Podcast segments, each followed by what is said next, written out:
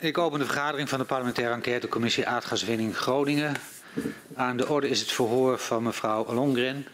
En ik verzoek de griffier om haar en haar eh, steunverlener naar binnen te geleiden.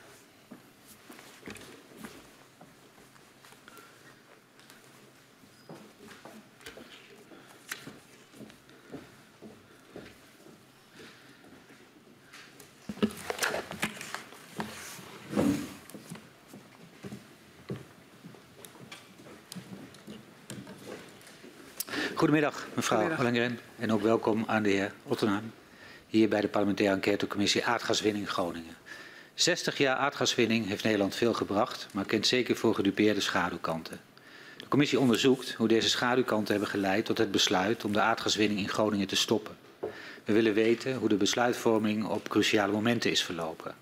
Hoe private en publieke partijen hebben samengewerkt bij de gaswinning.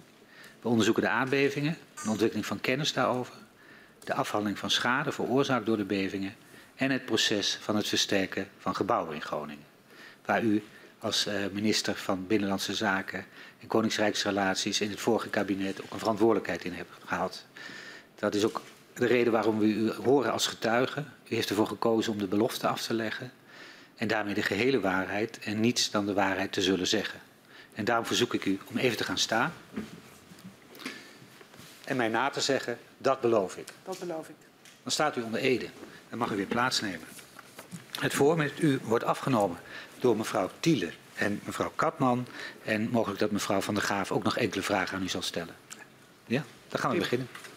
Mevrouw Ollongren, u was van 2017 eh, tot en met 2021 minister van Binnenlandse Zaken en Koninkrijksrelaties. En halverwege deze periode wordt u verantwoordelijk voor de uitvoering van de versterkingsopgave in eh, Groningen. In dit, vooral, in dit voor willen we het vooral met u hebben over de aanpak die u kiest voor de versterkingsopgave. Maar voor we naar die, die uh, onderwerpen gaan, heb ik eerst enkele vragen over de periode waarin u als uh, secretaris-generaal uh, bij het ministerie van Algemene Zaken hebt gewerkt. Dat was van 2011 tot 2014. Vanuit die functie kwam u na de aardbeving bij Huizingen in 2012 ook al in aanraking met het aardgasdossier. Wat was op dat moment de betrokkenheid van het ministerie van Algemene Zaken bij het gasdossier Groningen? Uh, de betrokkenheid van het ministerie van Algemene Zaken was, uh, het was eigenlijk een fase waarin uh, inderdaad de, de, aardbeving in Huizingen in augustus 2012 plaats had. -huh. dat najaar was er een, een, een, fase van kabinetsformatie en is er een nieuw kabinet aangetreden. Uh, aan het eind van dat jaar uh, uh, hadden we denk ik in beeld dat er een advies zou komen van het SODM. en werd er een begin zeg maar, gemaakt van interdepartementaal overleg over hoe om te gaan met dat advies. en in het voorjaar van 2013 uh, is het behandeld in, uh, in de ministerraad. Uh, dus daar is het ministerie van Algemene Zaken in zekere zin natuurlijk betrokken. Want daar wordt bepaald wat er geagendeerd wordt op de agenda van de ministerraad. dus het, het dossier zat natuurlijk bij het ministerie van Economische Zaken. Er was ook betrokkenheid van Financiën. Uh, maar Algemene Zaken uh, uh, ja, adviseert natuurlijk de minister-president en zorgt voor de voorbereiding van de ministerraadsvergadering. Ja, en u zegt, als ik goed naar u luister, zegt u echt vooral na die aardbeving in Huizingen wordt het ook een onderwerp op het ministerie van Algemene Zaken. Nou, in ieder geval zoals ik het mij herinner, hè, is dat het moment geweest dat het wat, wat meer in het vizier kwam. Mm -hmm. maar kwam het meer echt op de agenda in de aanloop naar het SODM-advies. En vanaf het moment dat dat er lag en minister Kamp toen ook met voorstellen kwam die bediscussieerd werden. Uh, in, ik meen zowel in, in vergaderingen zeg maar, voor, ter voorbereiding van de ministerraad als de ministerraad zelf. Ja. En het onderwerp gasbaten, was dat, was dat tijdens uw um, periode als secretaris-generaal een onderwerp op het ministerie? Nou, dat moet een onderwerp zijn geweest, omdat er gewoon regulier ministerraads Eh, besluiten werden genomen op voorstel van de minister van Economische Zaken. Dus via die agenda van de ministerraad is dat ongetwijfeld ook op algemene zaken door een van de raadadviseurs eh, gezien en van advies eh, voorzien. -huh. Ik heb daar zelf in mijn periode als secretaris-generaal geen bijzondere betrokkenheid bij gehad, bij gehad. voor zover ik mij kan herinneren en voor zover ik heb kunnen nagaan. Ja. U zei al, in de loop van de 2012 uh, wordt voorbereid op dat SODM-advies. Uh, en we zien inderdaad dat u op 18 december 2012 wordt gemaild door een topambtenaar van het uh, ministerie van Financiën over een mogelijke productieverlaging van de gaswinning. Uh, was het onderwerp gasbaten of gaswinning uh, een onderwerp van gesprek tussen u en het ministerie van Financiën? Nou, niet heel veel direct tussen mij als SG en het ministerie van Financiën. Maar ik heb inderdaad wel, denk ik, een enkele keer contact gehad met een, uh, met een ambtenaar daar. Um, uh, vooral ook, net zoals dat er ook contacten liepen tussen uh, Algemene Zaken, de raadadviseur die daarmee belast was, en economische zaken. Ja, ter voorbereiding van dat uh, besluit. En wat ik me daarvan herinner, en dat is ook in het contact dat ik zelf heb gehad toen, ging het steeds over de vraag of we heel goed wisten wat de gevolgen zouden zijn van een productieverlaging. Ehm, natuurlijk voor de veiligheid, maar mhm. ook voor de leveringszekerheid. Uh, en ik kan me herinneren in dat kader dat ik ook zelf wel een, een aantal keer contact heb gehad. Ja, ja want in die mail uh, met die collega op uh, Financiën wordt inderdaad ook gesproken over een onderwerp dat uw beide aandacht had als een soort van gezamenlijke liefhebberij. En waar gaat het dan over? Nou, dat, dat, moet ik eerlijk zeggen dat ik dat niet weet. Maar ik denk gewoon, ja, als, als onderwerpen belangrijker werden, dat we dan zo nu en dan wel elkaar uh, ook opzochten. Dus ik denk dat het daarover moet zijn gegaan. Dat weet ja. ik niet precies. Uh, en u zei al, hè, van, als het gaat over die productie, dan heeft dat een effect op, op veiligheid en wellicht ook op de leveringszekerheid. Um, um, maar als het gaat over communicatie met het ministerie van Financiën, dan neem ik aan dat het ook over de baten de gasbaten gaat. Eh, ja, inderdaad ook natuurlijk het effect van, uh, van minder uh, gasbaten, dus ook inderdaad de financiële kant. Dus ik ja. denk veiligheid, leveringszekerheid en effect op de, op de staatsfinanciën. Ja. Bent u al voor uh, uh, dat moment van 18 december geïnformeerd over uh, de mogelijkheden dat een productiebeperking op, op het vizier zou komen? Niet dat ik weet, nee. In eh, januari 2013 eh, komt het advies van staatstoezicht op de mijnen om de gaswinning eh, zo snel als mogelijk en zoveel als mogelijk en realistisch omlaag te brengen. minister Kamp van Economische Zaken moet dan een ingewikkeld besluit gaan nemen. In hoeverre was het ministerie van Algemene Zaken betrokken bij de aanloop naar dat besluit? Nou, ik denk net zoals bij andere uh, belangrijke besluiten. Uh, de, moet voorbereid worden, zowel voor de advisering voor de minister-president als voor ordentelijke besluitvorming in, in de ministerraad. -hmm. Dus in die zin is het ministerie van Algemene Zaken daar ook bij betrokken geweest. Maar economische zaken was natuurlijk het vakdepartement. Nou, de rol van financiën noemde u ook al, die was er natuurlijk ook belangrijk bij. Ja, en wat was uw eigen rol dan in het adviseren van de minister-president als het hierom ging? Nou, ik denk, hè, zoals ik het heb kunnen, uh, kunnen nagaan, uh, de, de SG van Algemene Zaken is, is niet zelf degene die zeg maar dag, dagelijks dit, dit soort dingen doet. Maar natuurlijk wel samen met de raadadviseurs verantwoordelijk voor het adviseren van, uh, van de minister-president. Uh -huh. en als het grote besluiten zijn, dan, dan kijkt de, de SG daar natuurlijk wel op mee. Dus ik heb daar toen en ook een jaar later toen uh, zeg maar alle door Kamp gevraagde rapporten er lagen en er weer een vervolgbesluit moest worden genomen, kan ik me wel herinneren dat ik zelf ook die notities heb gelezen en dat we daar ook over hebben gesproken op het departement. Ja. En die notitie richting de besluitvorming in januari 2013, weet u nog wat de kern van het ambtelijk advies was aan 2013 Januari. herinner ik me eerlijk gezegd minder goed dan 2014. Want in 2014 uh, uh, ging het ook wat, wat verder. Omdat, kijk, in 2013, zoals ik me herinner, omdat het over zowel de veiligheid als leveringszekerheid als de financiën ging, waren er heel veel vragen -huh. uh, die beantwoord moesten worden. Uh, nou, de uitkomst is, zoals bekend, dat minister Kamp heel veel onderzoeken in gang heeft gezet. -huh. Mhm. na omkomst zeg maar, van de, de, de, rapporten, de uitkomsten van die onderzoeken, is de volgende fase ingetreden. waarin we met iets meer kennis van zaken, bijvoorbeeld op die leveringszekerheid, want in begin 2013 werd dat gezien als een heel groot probleem. Dat als je de leveringszekerheid niet meer kon garanderen door productiebeperking, ja, dan stel dat was eigenlijk een op dat moment niet te overzien probleem. En daar mhm. hadden we meer zicht op het jaar daarna. Dus uh, dat is zoals ik me herinner dat we ernaar hebben gekeken en uh, hoe de advisering in de recht van de minister-president is gegaan. Ja. Ja, dus u zegt, uh, uh, in mijn herinnering was eigenlijk de betrokken... Ik, ik, probeer het te begrijpen, dus als ik het niet goed zeg, dan uh, corrigeert u mij maar.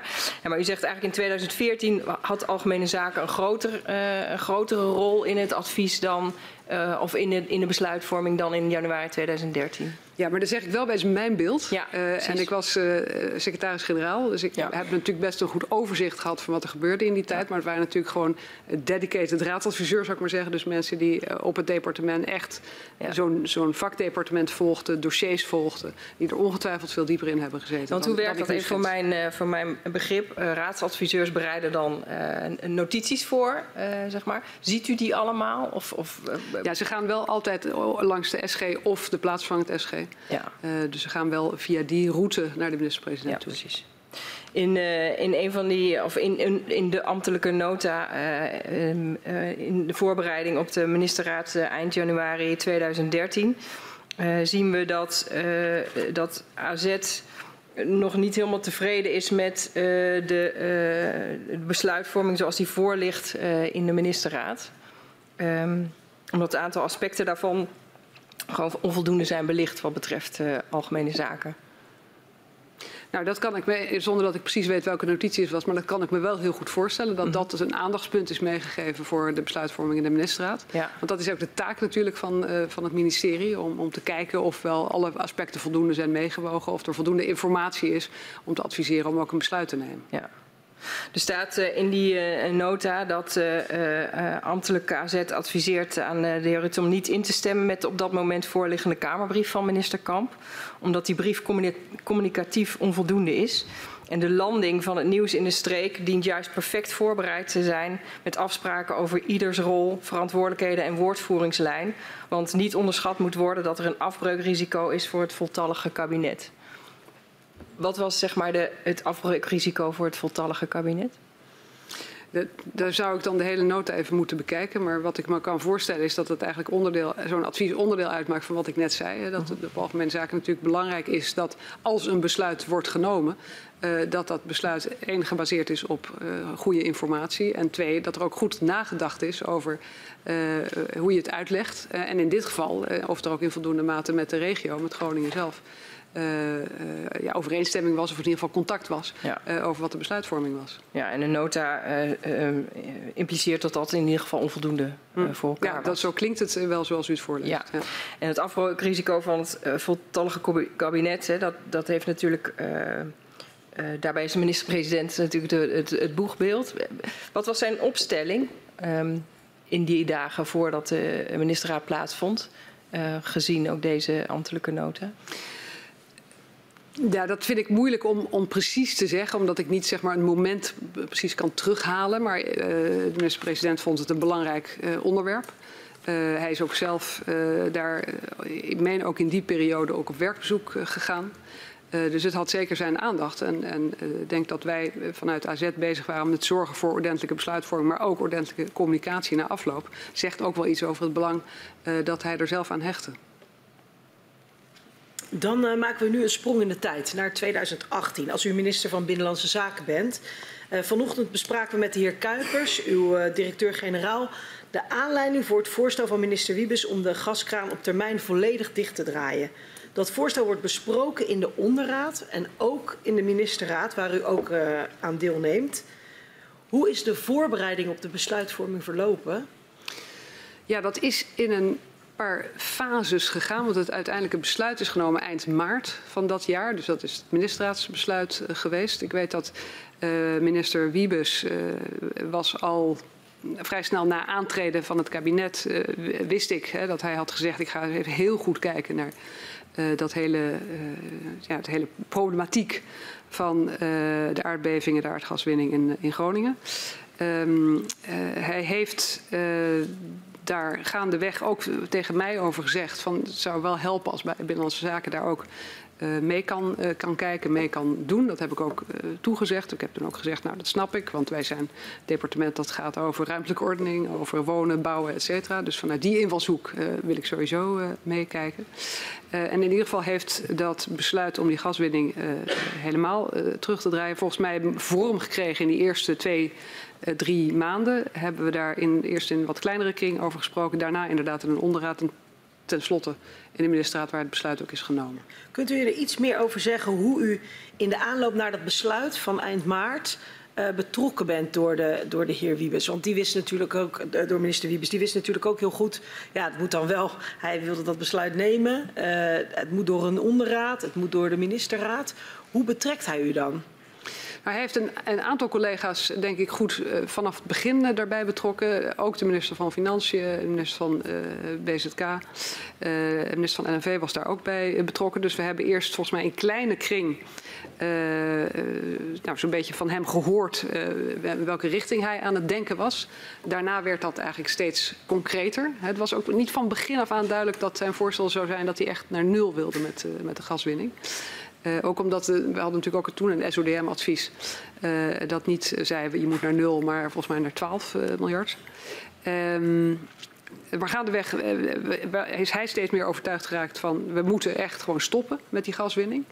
Um, en dat, dat heeft hij ook gewoon voorgesteld. eerst mondeling, daarna op papier. en dat werd eigenlijk steeds formeler.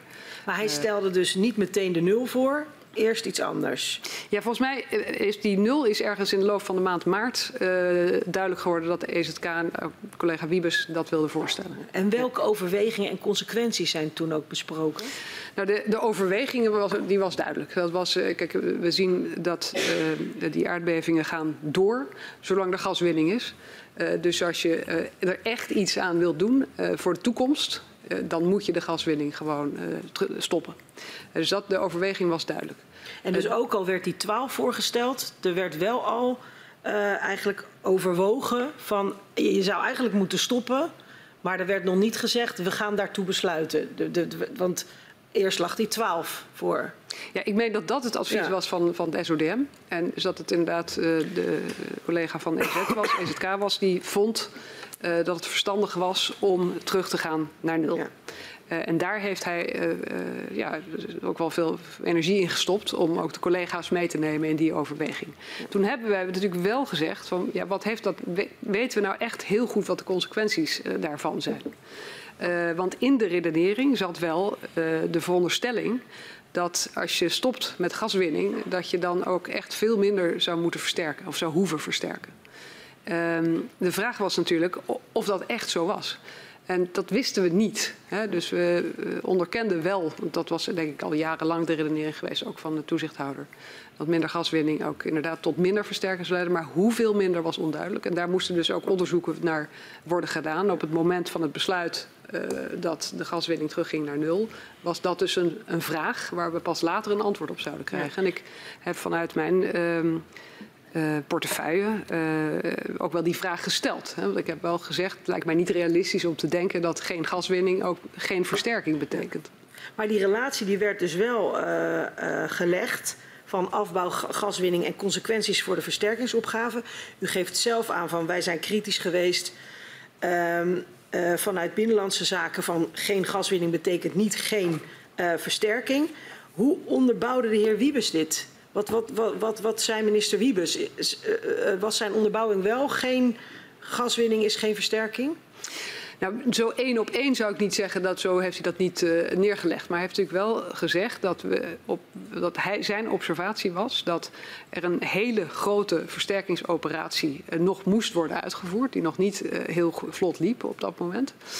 Uh, en um, dat je eigenlijk beter aan de voorkant zeg maar, zou kunnen zeggen: als we geen gas winnen, dan wordt die kleiner uh, en daarmee beheersbaarder. Uh, en hoeveel kleiner, ja, dat was dus de grote vraag op dat moment. En ik, ik heb inderdaad wel gezegd: kijk, het gaat natuurlijk over veiligheid voorop.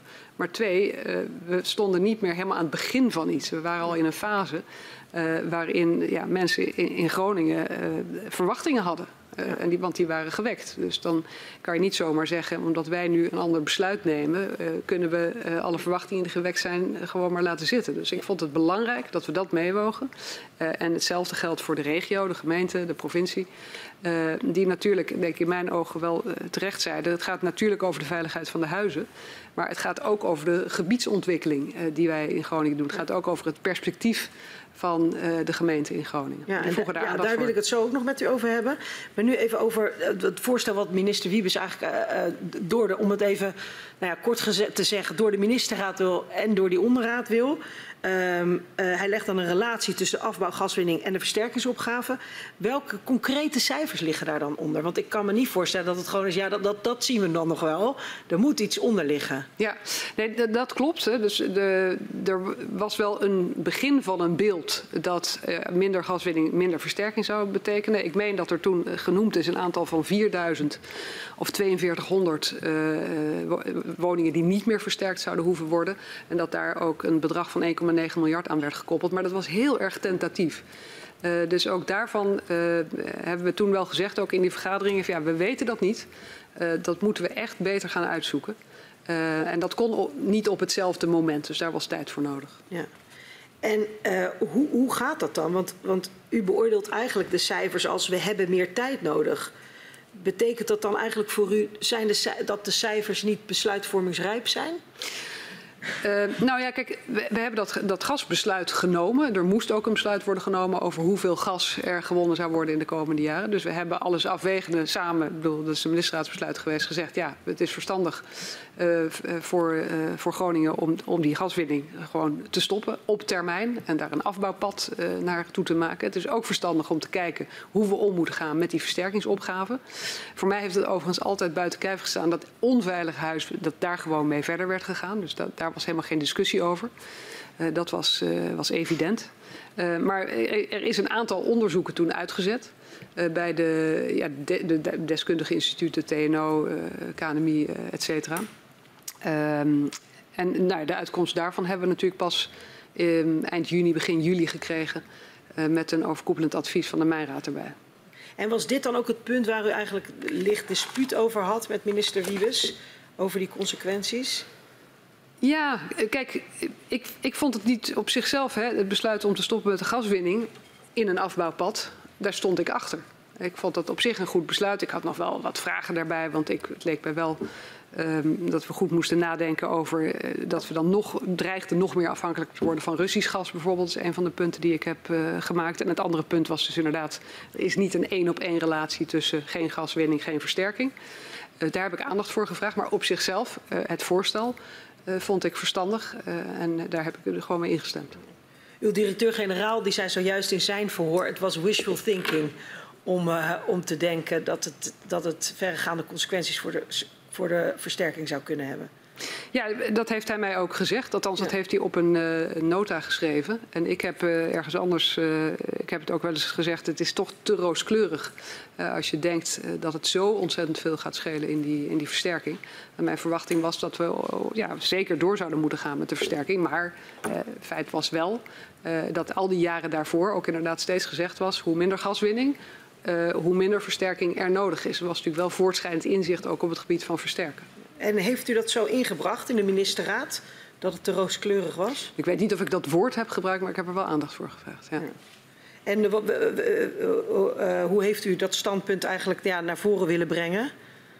Nou, ik heb dat in, zeg maar, in de vergaderingen die u net noemde, dus ja. zowel de voorportalen van de ministerraad, maar ook in de ministerraad zelf, uh, is daar aandacht voor geweest. Maar belangrijker nog was natuurlijk dat we gewoon hebben afgesproken dat we dat lieten toetsen door deze instanties. Uh, en dat we dus wisten dat we daar later op terug zouden komen. En overigens wilde de regio dat natuurlijk ook graag. Ja.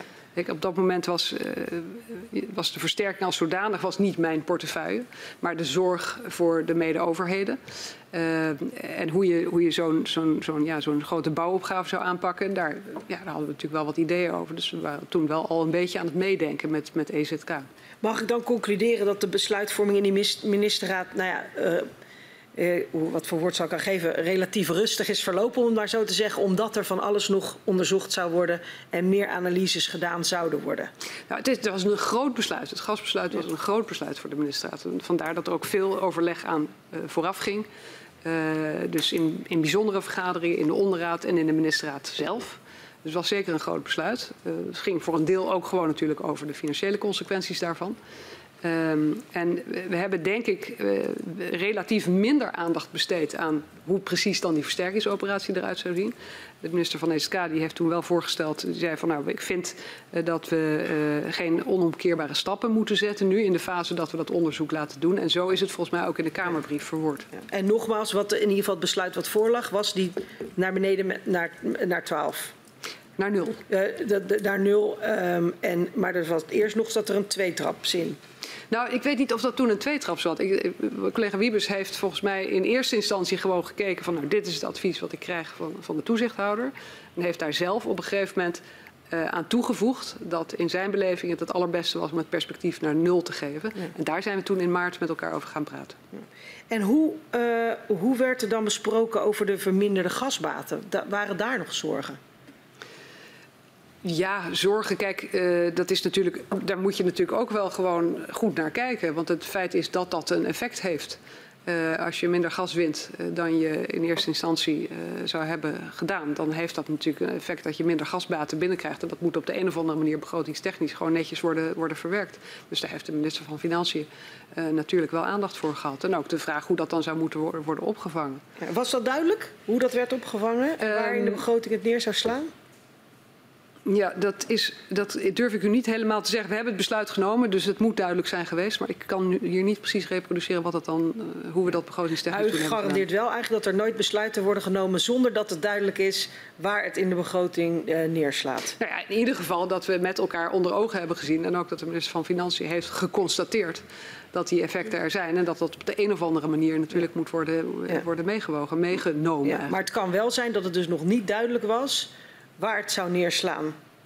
Of hoe het verwerkt zou worden? Dat zou heel goed kunnen, ja. Want volgens mij is dat ook een van de discussiepunten geweest in de ministerraad. Dat andere collega's wel vroegen van ja, als dit een groot budgetair effect heeft, kan het er dan toe leiden dat ik op mijn begroting moet gaan bezuinigen? Nou, op zichzelf natuurlijk een legitieme vraag. Ja. Is er nog breder dan alleen vanuit u de zorg geuit um, dat uh, uh, het dicht, verder dichtdraaien van de gaskraan zou leiden tot een kleinere uh, versterkingsoperatie? En in hoeverre dat. dat nou ja, wishful thinking is of niet. Was dat alleen uw zorg of werd dat veel breder gedeeld? Nee, dat, in ieder geval in dat uh, vooroverleg wat we met een, een klein, kleiner aantal uh, ministers hadden, is dat ook wel door anderen genoemd.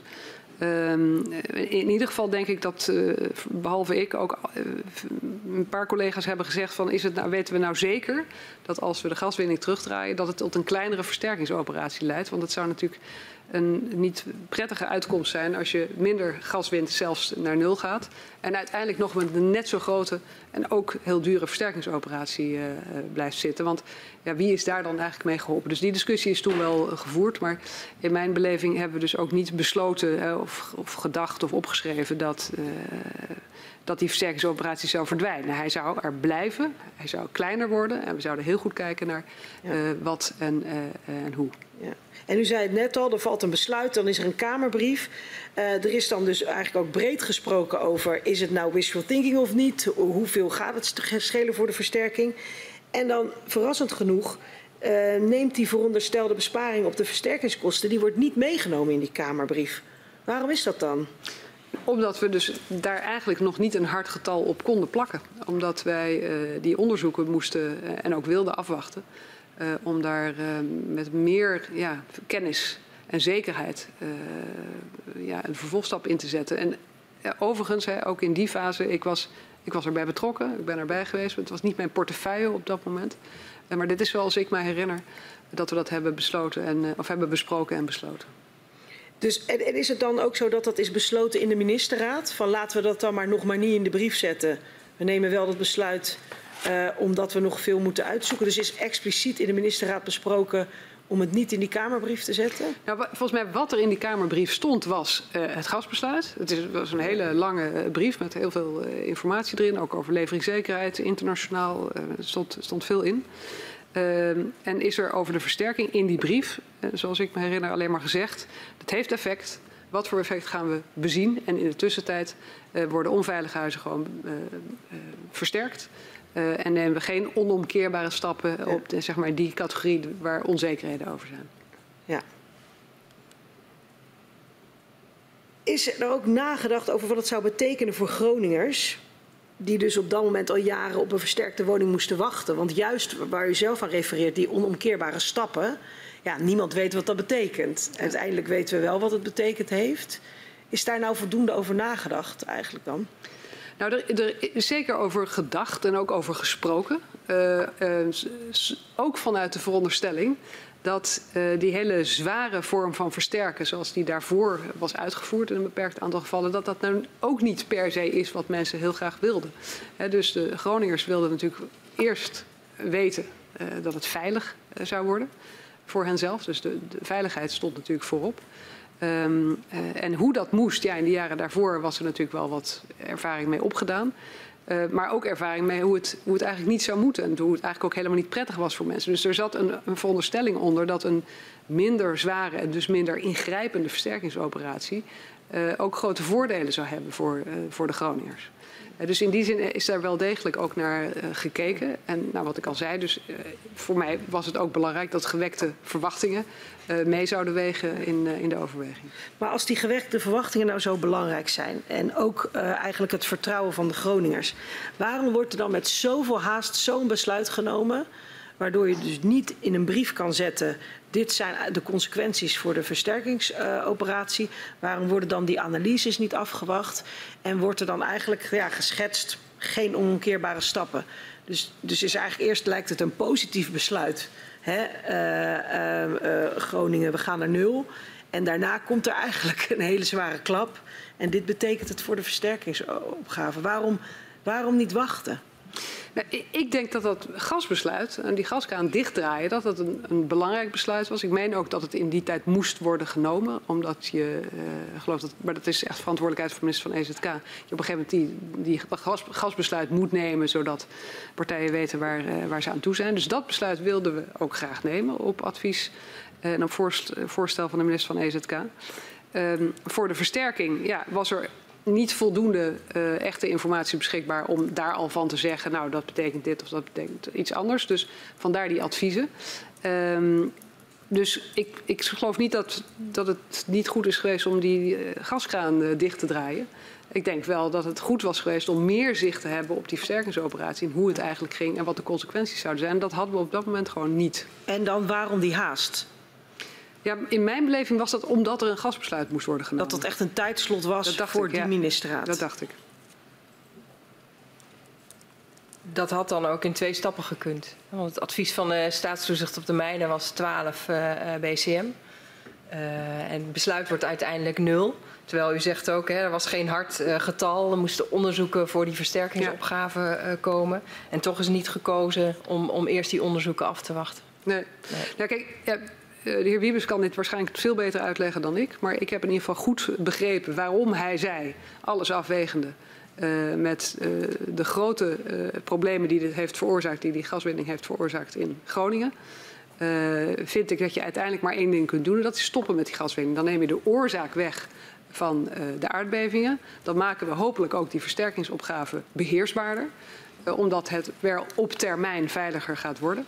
Nou, dat is de motivering geweest volgens mij van het besluit uh, dat we toen hebben genomen. Ja. En dat hopelijk, daar heeft u al een aantal kwalificaties vanuit uw departement op, uh, op geplakt, zoals wishful thinking en misschien rooskleurig. Ik vroeg me nog af, want in een van de onderraden, zeg maar, na, na aanloop van, in de aanloop van het besluit, wordt ook wel aangegeven door een aantal ministers dat, dat er een risico is dat er een beeld ontstaat uh, dat financiële overwegingen uh, leidend zijn in het kader van de versterkingsopgave. Uh, en uiteindelijk dat er dan ook wordt besloten om geen link te leggen met de versterkingsopgave in die eerste brief. Maar wel op te nemen dat evident onveilige huizen zo snel mogelijk versterkt moeten worden. Maar dat overige onomkeerbare stappen, dat is de term die gebruikt wordt in de brief, worden opgeschort tot er meer duidelijkheid is over de veiligheid. Wat is in uw beleving die overige onomkeerbare stappen? Wat betekent dat? Nou, ik denk dat ik had toen veel minder zicht op hoe die versterking eigenlijk in elkaar zat dan ik later heb gekregen. Omdat ik natuurlijk zelf uh, op een gegeven moment verantwoordelijk ben geworden voor die versterkingsoperatie. Maar in, in die fase was het uh, beeld dat we kregen, de, was dat het niet goed liep uh, met die versterking. Dat er erg veel de, de NCG toen, hè, de Nationaal Coördinator, heel veel moeite had om de verschillende partijen bij elkaar uh, te krijgen. En om daadwerkelijk een start te maken met, uh, met die versterkingen. Dat er bovendien versterkingen waren uitgevoerd die helemaal niet naar tevredenheid waren. Zo nog van de mensen zelf, nog van uh, betrokken gemeenten. Uh, dus we wisten dat het niet goed liep. We wisten -hmm. ook dat het een grote opgave was, gewoon in, uh, in aantallen. Ja. En dat het ook wel eens inderdaad heel duur zou kunnen zijn. Uh, om, dat, om dat voor elkaar te krijgen. De, in, een, in een zeer langdurig traject. Maar dat was ongeveer wat ik op dat moment wist. Uh, en u zei net ook al uh, eerder, hè, het stond voor mij buiten kijf dat onveilige huizen mee werd uh, doorgegaan. Ja. in de weken na die brief wordt duidelijk dat de versterkingsaanpak van een paar van de badges, een paar van de groepen aangewezen huizen, volledig stil ligt. En dat wordt ook wel de pauzeknop genoemd. Wanneer werd het voor u duidelijk dat er een pauzeknop was? Nou ja, het woord pauzeknop is in mijn beleving nooit gevallen zeg maar, rondom die besluitvorming mm -hmm. uh, in maart. Uh, maar pas later, ik denk eind april of zo. En volgens mij is dat meer een moment geweest waarop collega Wiebes ja, moest uitleggen wat er nou precies wel en niet kon. Aan wie moest je dat uitleggen? aan de, met name aan, aan de bestuurders in de regio. Oké, okay, ja. ja. Um, en, ja, en toen is op de een of andere manier dat woord pauzeknop uh, gebruikt. Um, en dat is dat denk ik een poging om uit te leggen, niet dat er was gestopt, eigenlijk het omgekeerde. Want ik herinner me dat we in de ministerraad daar nog wel over hebben gesproken. Dat ook collega van EZK ons verzekerde, de versterking is niet gestopt. Hè. Mm -hmm. Dus we gaan door met de versterking.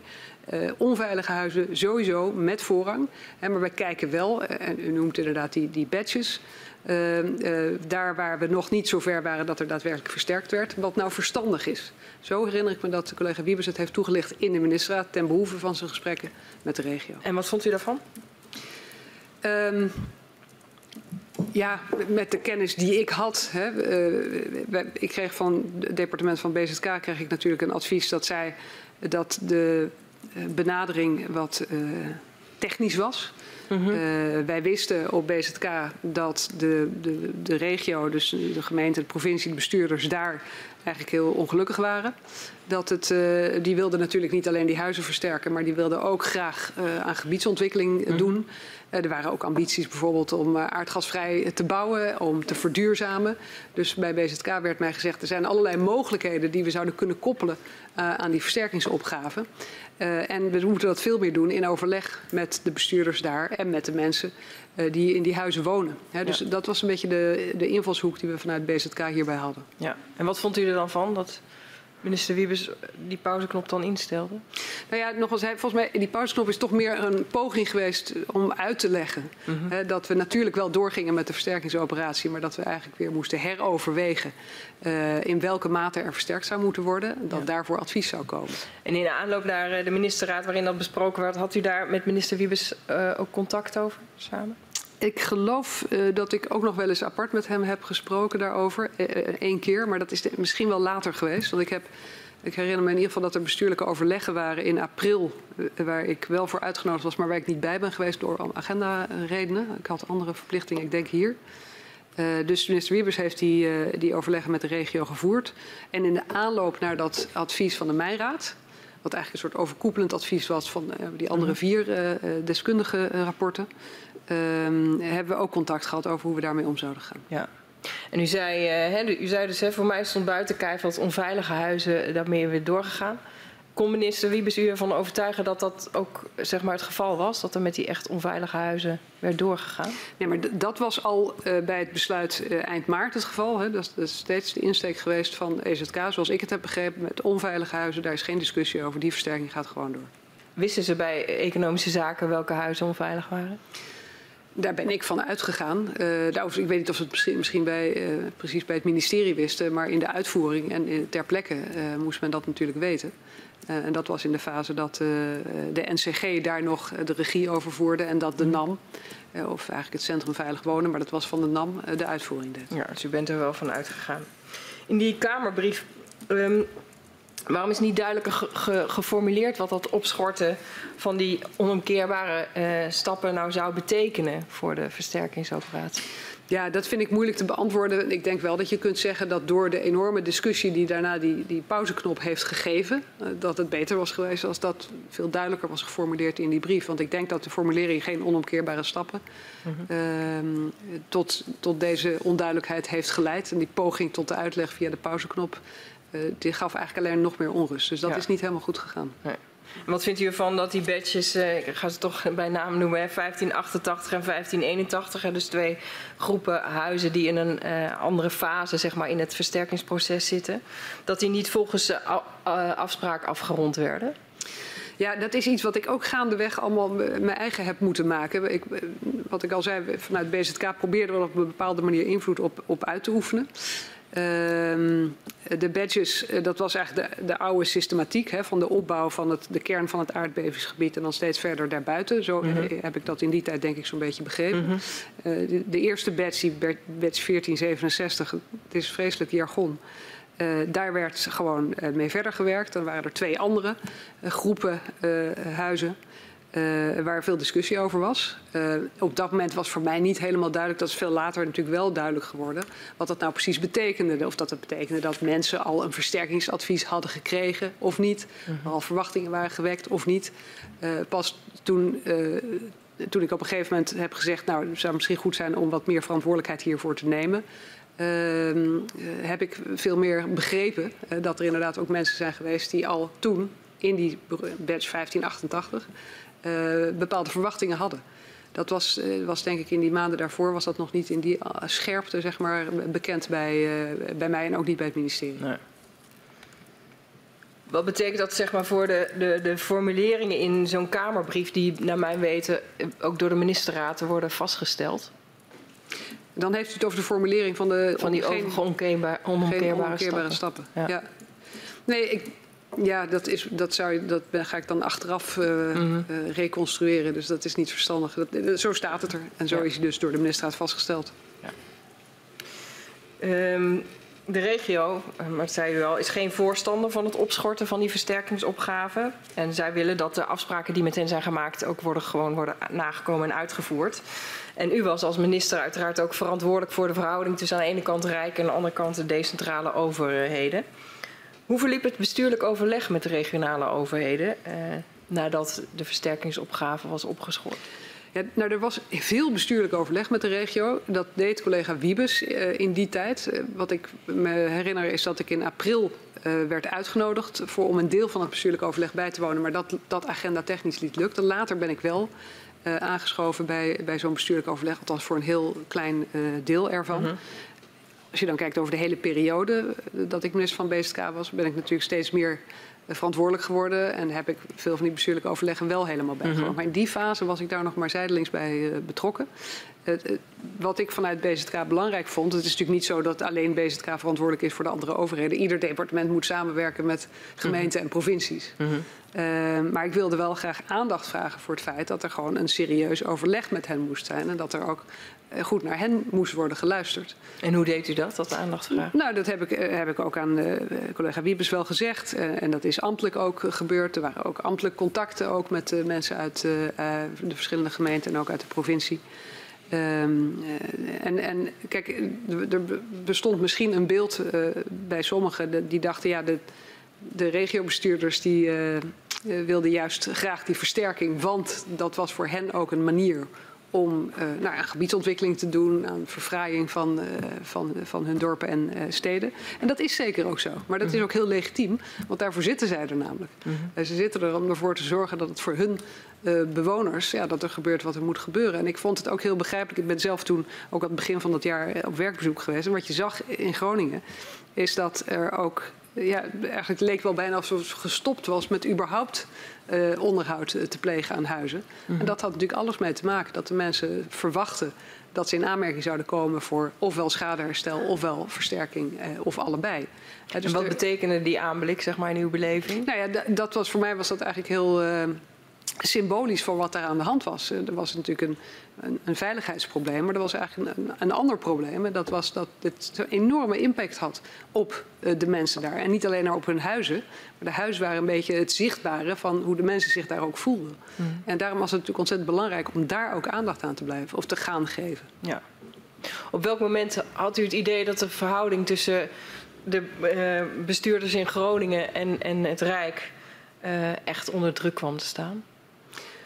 Uh, nou, ik denk dat dat toen met die, uh, toen zeg maar de, de, de pauzeknop-discussie uh, ontstond, dat dat ook een uiting is geweest van de onvrede en ja, de oneenigheid die er toen wel was tussen regiobestuurders. en, en, en, Den Haag. En wat, wat, de, de, wat, deed u daarmee? Nou, wat, het concrete moment dat ik me kan herinneren dat ik gepro geprobeerd heb dat wat te, te, verbeteren is toen dat mijnraadadvies uitkwam. Dat was 1 of 2 juli van dat jaar. dat was ook wel voorbereid. We wisten dat het eraan kwam. We hadden aan kabinetszijde uh, een beetje verkend wat het eigenlijk zou betekenen.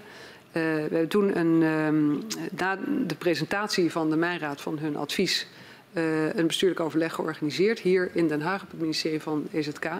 En daar ben ik op verzoek van collega Wiebes ook bij geweest. En toen hebben we heel lang gesproken met de regiobestuurders. En uiteindelijk ook een afspraak kunnen maken over, nou, u zei het net zelf, over die badge 1588. Mm -hmm. wat heel belangrijk werd gevonden door, voor, door de regio. Wat dus ja, in eerste instantie misschien vanuit veiligheidsperspectief niet per se nodig was. Maar waar we wel met elkaar hebben gezegd, dat kan zo zijn. Maar wij vinden dat we dit wel moeten doen, omdat die verwachtingen echt gewekt zijn bij, bij mensen. Ja. En u zegt, hè, ik heb er aandacht voor gevraagd, omdat ik ook wel... Hè, in begin 2018 was u in het gebied en dacht, hè, symbolisch had u het idee dat, dat het niet ging zoals het ging eigenlijk. U vertelt, ik heb er aandacht voor gevraagd en dan wordt u in juli erbij gevraagd. Wat is nou in die tussentijd uh, wat heeft u nou in de tussentijd gedaan, zeg maar, in de contacten met de regio aan de ene kant en de contacten met de verantwoordelijk minister aan de andere kant? Nou, dat was dus eind maart was dat besluit. Begin juli was het bestuurlijk overleg waar we dus die, die afspraken hebben kunnen maken. Um, het was, was, geen onderdeel van mijn portefeuille op dat moment. Maar ik, ik, ja, dat, ik, zou dat helemaal moeten terugkijken. Ik denk dat we wel dachten, ja, we moeten meer weten. Dus we moeten die adviezen inderdaad hebben. Het was duidelijk dat er onvrede was in en met de regio. En, en, we hebben dus die stap kunnen zetten begin juli door afspraken te maken met de regio. Ja. In hoeverre had u nou contact met de Nationaal Coördinator zelf? Nee, ik heb toen, dat was toen nog de heer Albers. Mm -hmm. Daar heb ik een kennismakingsgesprek mee gehad um, als minister van BZK en hij als uh, nationaal coördinator in begin van dat jaar. Ik denk januari of februari. Mm -hmm. Uh, dus toen heb ik hem gesproken. Daarna heb ik geen contact meer gehad met de nationaal coördinator. Nee, dus u had eigenlijk een, een afstand zeg maar, tot dat deel van de organisatie? Ja, want Omdat dat, dat bij was op dat moment lag. precies, was ja. geen uh, onderdeel van de BZK. Nee, nee. Terwijl u wel aangaf, we hebben voor gemeentes heel logisch dat ze, tenminste u beschreef hoe logisch u vond dat gemeentes met die versterking ja. ook uh, andere, uh, misschien wel meer BZK-achtige wensen hadden. Ja, maar het, het, was op het departement niet echt een ja, omdat het niet in de portefeuille van de minister van BZK zat. Uh, er was natuurlijk kennis en deskundigheid op allerlei gebieden. Dus -hmm. ik noemde al ruimtelijke ordening en wonen, uh, medeoverheden, hoe, hoe, je, hoe je met hen samenwerkt. Dat zit natuurlijk helemaal in de genen van, van BZK. En ik denk dat EZK, ja, het is gewoon een ander soort departement. En vanuit de gaswinning, dus, dus ondergronds, uh, was het eigenlijk een heel ander dossier voor hun dan, dan voor BZK. En dat, dat is mij wel meegegeven door de BZK-ambtenaren. Die hebben ook wel uh, al aangedrongen bij EZK ambtelijk. Hè, van denk nou hier aan, denk nou daar aan. Denk nou inderdaad niet alleen versterken technisch van, voor, voor, voor de veiligheid, voor de aardbeving. Maar ga, als je dat toch doet, ga dan ook verduurzamen. Uh -huh. denk dan ook na over aardgasvrij. Dus in die zin waren er gewoon veel contacten tussen de departementen. Maar het was niet op dat moment nog mijn portefeuille. Ik wil nog heel even met u terug uh, naar dat besluit van die onomkeerbare stap. Uh, want ook als uh, nou ja, die formulering dan um, wordt vastgesteld in de ministerraad. Um, ik neem zomaar aan dat u niet in de mogelijkheid bent geweest om het verhoor van vanochtend tot u te nemen. Maar uw uh, DG die zei dat toen al de zorgen heel erg leefden bij het BZK over de gewekte bewachtingen en ook over wat het voor die badges zou betekenen. Zijn die, die zorgen ook al vooraf met u gedeeld, voordat dat besluit was genomen? Nou, in ieder geval herinner ik me goed het advies van de DG. Die zei uh, uh, toch wel te wishful thinking, zei hij inderdaad. dus in die zin was, heeft, hebben zij die waarschuwing ook afgegeven. Uh, ik denk dat uh, zeg maar de, de, onvrede in de regio, uh, dat kwam daarna ook gaandeweg, werd dat steeds duidelijker. nou, ook dat is ongetwijfeld aan mij meegegeven, dat de, de regiobestuurders um, ja, hier eigenlijk niet goed mee uit de voeten konden. En het werd mij ook duidelijk, hè, de discussie over de pauzeknop. was voor mij natuurlijk ook ja. duidelijk dat dit op die manier niet verder kon. En daarom was het ook goed dat we begin juli uh, eindelijk, of eindelijk, zo lang heeft het ook weer niet geduurd. Maar toen lagen die adviezen er, toen lag dat Meiraadadvies er. En dat was ook het moment waarop je dus verder kon. En ik heb uh, meen ik, uh, ook in de ministerraad gezegd. Uh, dit gaat niet goed. laten we blijven opletten. En laten we proberen ook een soort bestuursakkoord met die regio te sluiten. Want we moeten daar wel, we moeten wel samen verder. Dus die verwachting die zaten toen ook al in uw hoofd. U gaf aan, en dat vond ik een opmerkelijke. Van, maar u was in ieder geval wel blij dat de heer Wiebes zei van. Nou ja, we weten in ieder geval die onveilige huizen te, te vinden. Uh, de heer Alders die gaf hier uh, in zijn uh, verhoor aan, de, de NCG. We wisten toen niet dat het veilig was. We weten nu niet welke huizen veilig zijn. Hoe, ja. hoe duidt u dan die uitspraak? Ja, de, de, in, ja. Ja. Misschien als een um, uitleg van wat, in welke mate is iets veilig. Hè? Dus voor mij was duidelijk, en dat was de toezegging ook van de heer Wiebes... als het onveilig is, wordt het versterkt. Um, ik heb uh, later pas, ja, ik zei net al, de, de badges, de HRA, de NPR, et cetera. Dat, dat hele technische jargon dat je eigenlijk moet kennen om dit te doorgronden. Daar ben ik pas veel later, zeg maar, uh, in, heb ik me dat eigen gemaakt. Toen ook omdat ik zelf ook die verantwoordelijkheid kreeg. Dus voor mij was het voldoende om te weten dat de verantwoordelijk minister zei... als het onveilig is, wordt het gewoon versterkt. Ja, en, maar de heer Alders zei in ieder geval, we weten die onveilige huizen gewoon niet te pinpointen. Dus ja, als we ze vinden, dan worden ze versterkt. Maar we kunnen helemaal niet precies zeggen uh, dit, waar de onveilige huizen zijn. Nou ja, kijk, op dat moment was er een benadering vanuit de, het, het meest zeg maar, onveilige gebied. Hè. Dat was die hele aanpak van die badges, althans zo is het mij toen uitgelegd. Dus dan vind ik het logisch dat je ervan uit mag gaan, aangezien daar al jaren mee gewerkt werd, dat als het echt onveilig was, dat er dan uh, was ingegrepen en dat er werd versterkt. Ja. U zei al uh, dat u zich er eigenlijk, ja, uh, dat BZK zich eigenlijk steeds meer wel naar zich toe wilde trekken, omdat dat meer in de lijn lag van waar BZK ook uh, nou ja, gewoon dagelijks mee bezig is. Wanneer is nou eigenlijk dat hele officiële moment dat BZK echt dat, dat, dat dossier te pakken krijgt? Wanneer komt u daar officieel dan mee in aanraking echt? Nou, als je heel formeel kijkt, is dat pas vanaf 1 januari 2020. Want toen viel de NCG formeel onder de verantwoordelijkheid van de minister van BZK. Maar het was natuurlijk eigenlijk al daarvoor. Dus in de loop van het jaar uh, 2019. Um, uh, er is, ik heb nog een, een ambtelijke notitie gekregen waarin twee varianten stonden. Hè, of we continueren gewoon onze inzet en dat is eigenlijk een beetje helpen. Uh, of we gaan toch iets meer ook naar BZK toe halen, want dan heb je er meer grip op advies toen overigens, en ik denk dat dat eind 2018 of zo is geweest, was nog van laten we het gewoon continueren. Maar gaandeweg werd dat eigenlijk niet meer houdbaar. Er was veel druk ook vanuit de regio en de bestuurders in de regio op het ministerie van BZK om daar een grotere rol in te nemen. Er was ook wel onderling tussen collega's in het kabinet wat discussie over of, of we niet iets ja, konden doen want om, om, om te helpen eigenlijk. En ja, ook de overtuiging bij mij dat bij, bij die versterkingsoperatie, dat die invalshoek die uh, BZK koos, dat die daarbij behulpzaam zou kunnen zijn. Uh, terwijl het een beetje vast aan het draaien was bij, bij EZK. Ja. Want we zien ook dat u kritisch bent op de voortgang van de bestuurlijke tafel Groningen bovengronds. En u stuurt ook actief aan, ook weer op een grotere rol van, van BZK. Waar was u precies kritisch over? Nou, ik denk waar iedereen kritisch over was, dat het gewoon niet opschoot. Ja. En we zien dan ook uh, vooral dat, uh, om er een woord aan te wijden, want u heeft er zelf ook al woorden aan gewijd, dat uw ambtenaren de aanpak eigenlijk van EZ te technocratisch vinden. Ja, ik denk dat dat terugkijkend op de versterking uh, inderdaad de constatering is. Dat er een, een technocratische, bijna een soort ingenieursaanpak was. Eh, wat al zei, waar je ook een heel jargon voor moest kennen om, om te begrijpen waar het over ging. Terwijl, ja, als je er echt goed naar kijkt, gaat het natuurlijk maar over één ding. Het gaat over mensen en hun thuis. Uh, en, de zorgen die zij hadden en hoe je als overheid uh, kon, uh, ja, kon, kon, helpen om hen duidelijkheid te geven over waar ze aan toe waren. Dat was natuurlijk de, de essentie van waar het om ging. en, en gaandeweg ja, werd ook duidelijk dat die hele technische benadering, dat die er ook tot grote verschillen leidden die eigenlijk niet goed uitlegbaar waren.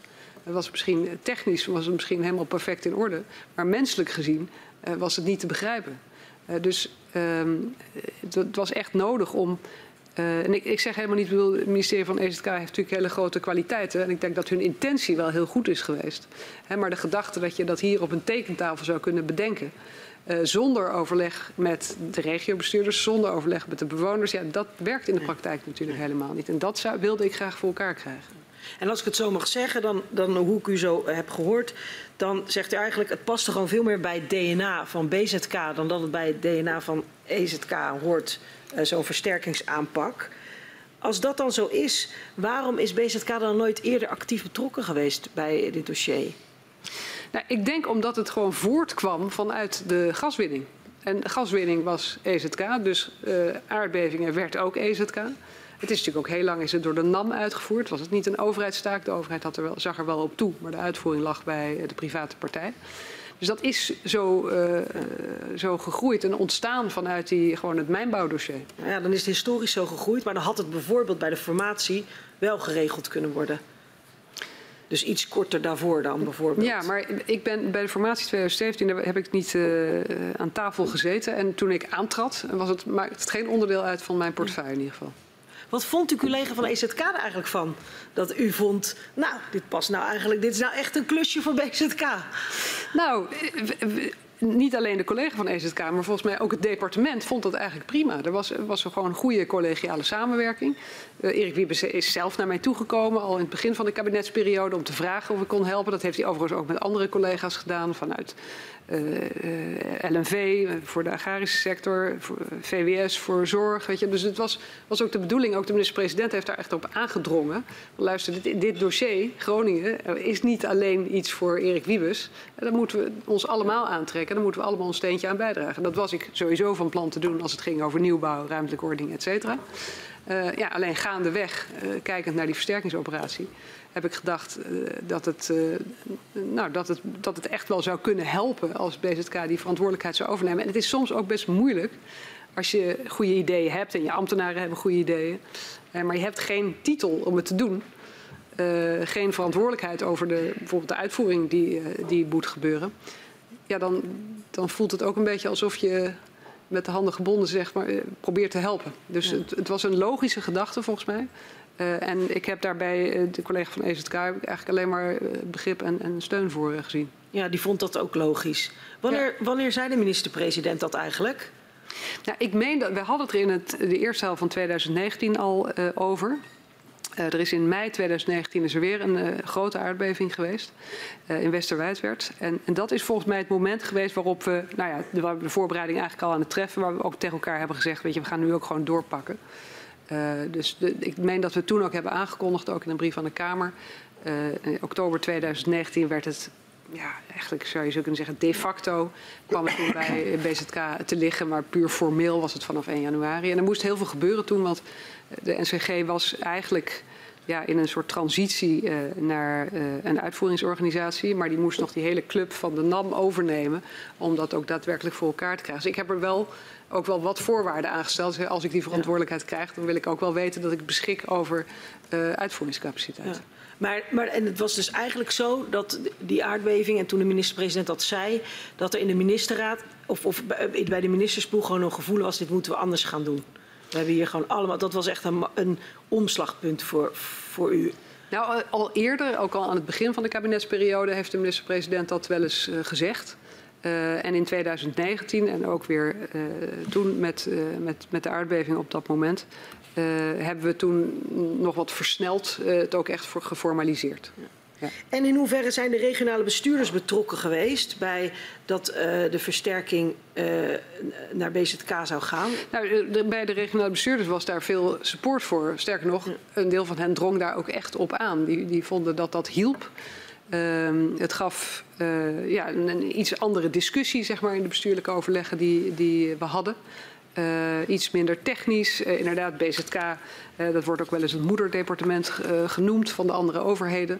Dus daar was, ehm, daar, was, er was niet alleen maar steun voor de gedachte, maar het werd ook vanuit de regio echt naar voren ge, gepusht, zou ik bijna zeggen, als een, een te zetten stap. Ja, en het ging nu dus echt publiek georganiseerd worden.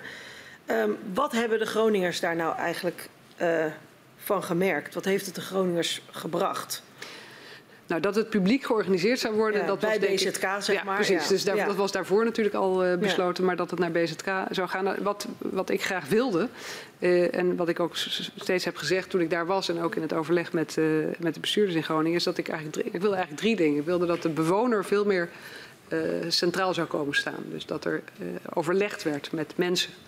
En dat er geluisterd werd eh, naar mensen. Ik wilde heel graag de versterkingsoperatie versnellen. Ik vond dat het veel te traag ging. Eh, vooral eh, dat we erg bezig waren met allerlei procedures en regels en wat er wel en wat er niet eh, mocht eh, worden vergoed. Ik wilde dat dat echt sneller ging en soepeler ging met meer mogelijkheden voor de uitvoerder om gewoon besluiten eh, te nemen. En ik vond het belangrijk dat de, met name de gemeente een rol kreeg. Eh, ik vind het, dat is toch de bestuurslaag die het dichtst bij de mensen staat. Die weet het beste eh, wat er in hun gemeente nodig is. Eh, dus dat was het derde doel. Ja, eh, en dat wilde u en dat waren de doelen. Zijn die heeft dat ook de Groningers gebracht wat het doel was? Nou, zeker nog niet iedereen, want de versterkingsoperatie is natuurlijk nog niet klaar, en verre van zelfs. Maar ik hoop dat het in ieder geval heeft bijgedragen aan meer duidelijkheid. Ehm, we hebben natuurlijk daarna ook nog eh, eh, eigenlijk nieuwe afspraken gemaakt. We zijn afgestapt van die badges en al die ingewikkeldheden. Eh, en we hebben gewoon gekeken naar mensen. Heb je al een versterkingsadvies? Dan gaat er dit gebeuren. Heb je nog geen versterkingsadvies, dan gaat er dat gebeuren. Woon je in een, in een buurt die om de een of andere onbegrijpelijke reden helemaal erbuiten lijkt te vallen, dan gaan we daar naar kijken. Hebben we de gemeente gevraagd om aan te geven welke buurten, hè, die lijken nu buiten de boot te vallen, maar dat is niet uit te leggen. Dan zetten we ze ook op een lijst. Dus we hebben een, een andere indeling gemaakt. En ik heb er heel erg op gestuurd dat de NCG dat eh, aan iedereen duidelijk maakte in welke groep val je. eh, en wanneer kan ik wat verwachten? Dat, dat vond ik belangrijk, dat die communicatie duidelijker werd. En ben, eh, het is zeker zo dat niet iedereen tevreden is en terecht. Want de versterking is natuurlijk nog helemaal niet klaar. Maar ik hoop dat de structuur veel begrijpelijker is geworden. Dat we veel inzichtelijker hebben gemaakt wat voor voortgang er wordt gemaakt i- in de uitvoering. Eh, bijvoorbeeld met dat dashboard wat de NCG is gaan, eh, gaan gebruiken. Dus eh, in die zin eh, hoop ik dat de Groningers eh, in dat aardbevingsgebied daar iets van hebben gemerkt. Maar de onvrede was natuurlijk al groot en terecht. Er was weinig vertrouwen. Dus, en, en de aardbevingen eh, zijn tot de dag van vandaag gaan die ook nog door. Dus mensen voelen zich natuurlijk nog steeds eh, niet, niet veilig en, en, en soms ook onvoldoende geholpen. U beschrijft inderdaad de, eh, de doelstellingen die u, die u had toen het eh, naar BZK ging. En u beschrijft ook al een beetje welke andere elementen daarin zitten. Eh, Eigenlijk hoe het karakter eh, van de versterkingsopgave eh, verandert. Van een risicogestuurde eh, aanpak die eigenlijk bij economische zaken eh, werd eh, eh, nagestreefd... naar een meer gebiedsgerichte ehm, eh, operatie eh, vanuit binnenlandse zaken. Ehm, hoe beschrijft u zelf gebiedsgerichte aanpak? Nou, dat kan ik misschien het beste beschrijven door, eh, door voorbeelden. Het zijn denk ik ook bekende voorbeelden, maar dat is ook niet voor niks. Eh Opwierde in Appingedam. Dat was een, een, een stukje van Appingedam. eh, waar de bewoners te horen hadden gekregen... jullie komen nergens voor in aanmerking. Terwijl hun buren, een straat verderop... daar werd sloopnieuwbouw afgesproken. Ja, dat is, dat is natuurlijk niet uit te leggen eh, aan, aan mensen. Dan kan het technisch wel helemaal kloppen. Eh, maar eh, kijk, de mensen in het gebied die willen natuurlijk helemaal niet dat hun huizen versterkt moeten worden of dat er sloopnieuwbouw moet worden gepleegd aan je huis. Maar als het dan toch moet, ook vanwege de veiligheid, dan is het natuurlijk heel gek als het bij de buurman wel gebeurt en er tegen jou wordt gezegd: nee, maar bij jou lopen geen enkel risico. Nou, daar hebben we toen een, een afspraak over kunnen maken, zodat we dat hart van opwierden waar het over ging, dat we daar ook gewoon dezelfde aanpak kozen. En dat mensen daar ook konden kiezen voor sloopnieuwbouw. Betekent dat dat de versterkingsopgave daarmee ook groter werd? Nou, hij, we- hij werd in ieder geval groter dan eh, sommigen nodig vonden. Hè, want eh, er werd getoetst op basis van die, eh, nou, die technische benadering, hè, die NPR. NPR 15 was volgens mij, 2015 was volgens mij de laatste. Op basis van die veiligheidsanalyse zou er veel minder sloopnieuwbouw zijn dan daarvoor.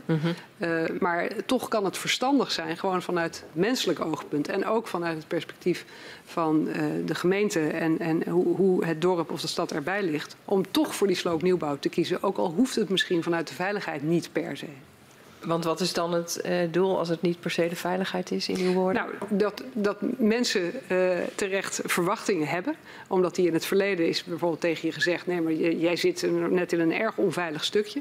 En dan krijg je een paar jaar later te horen... nee, maar we hebben een technische herijking gedaan. Uh, het is toch veilig bij jou. Ik kan me zo goed voorstellen dat het misschien technisch wel klopt... Maar dat voor de veiligheidsbeleving van de mensen in hun eigen huis niet klopt. En daar hebben we geprobeerd meer, uh, ja, meer mee, rekening mee te houden. Ja. Hoe werd er in het kabinet over gedacht?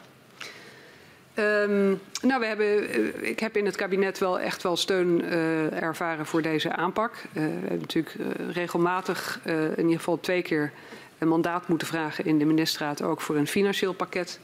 Uh, voor een, om een bestuursakkoord te kunnen mm -hmm. sluiten met, uh, met Groningen. Daar komen we straks nog op. Ja. ja. ja. Oké, okay, nee, dus, dus uh, over het algemeen wel begrip. tegelijkertijd, en dat begrijp ik ook heel goed, bijvoorbeeld collega van Financiën. Die constateerde dat het wel erg duur was. Hè? Dus dan was er nog geen huis versterkt. Maar dan moest de NCG al heel veel kosten maken om überhaupt mm -hmm. een, een, een, beoordeling te kunnen afgeven. Daar moest een ingenieursbureau voor worden ingehuurd. Dus er ging natuurlijk veel geld in zitten. Uh, dus ja, daar wordt dan natuurlijk wel over gesproken. Ja. En in hoeverre volgde u nou zeg maar, met die aanpak het advies van de Mijnraad dat uh, in 2018 was gegeven? Ja, het advies van de Mijnraad was niet, niet helemaal uh, eenduidig, zoals ik me herinner. Daar kon je uh, wel uit afleiden dat sommige dingen dat er misschien wat meer zou moeten uh, dan EZK uh, op dat moment had verondersteld. In welke opzicht was dat? Nou, dat ging dan weer over die badges. Hè? Dus -huh. we hadden natuurlijk, Erik Wiebes had gezegd, we stoppen even met die tweede en die derde badge in afwachting van dat Mijnraadadvies. -huh. toen kwam dat Mijnraadadvies. Nou, zoals ik me herinner, was het niet helemaal eenduidig. Oh, het gaf dus niet echt een keiharde richting van dit moet wel of dit moet niet. -huh. Uh, kon het gelezen worden als uh, we gaan toch uh, wat meer versterken. Eerlijk gezegd, voor mij was het belangrijkste dat het er lag. zodat we van, vanuit die adviezen afspraken konden gaan maken. Nou, dat hebben we toen ook gedaan met de regiobestuurders. Ja. over wat we wel gingen doen. Zegt u daarmee dat de Mijnra het Mijnraadadvies uit 2018 u handvatten gaf om de gebiedsgerichte aanpak die u voor ogen had ook daarop aansloot? Ja. Nou ja, of die daar precies op aansloot op het Mijnraad, ik geloof niet dat, dat weet ik eerlijk gezegd niet meer. Of het Mijnraadadvies gebiedsgericht, risicogericht.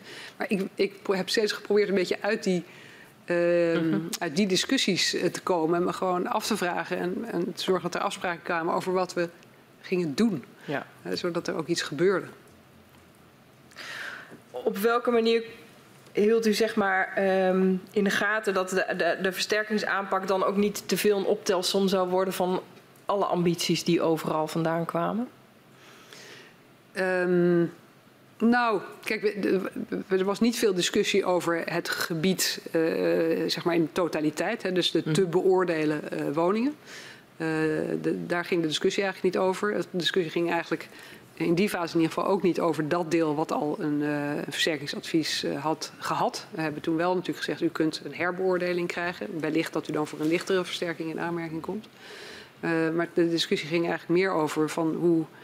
Um, hoe ja, wat, wat, wat, gaan we dan doen voor, voor de rest en hoe gaan we dat doen? Hoe gaan we dat organiseren? En met wie was die discussie dan vooral?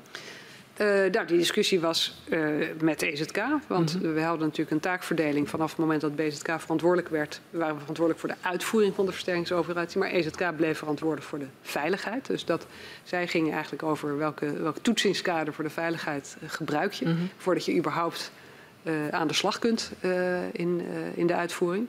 Discussie met de regio. Ik noemde bijvoorbeeld al dat we dus alle gemeenten gevraagd hebben: breng nou in kaart waar evident onuitlegbare verschillen zitten in buurten.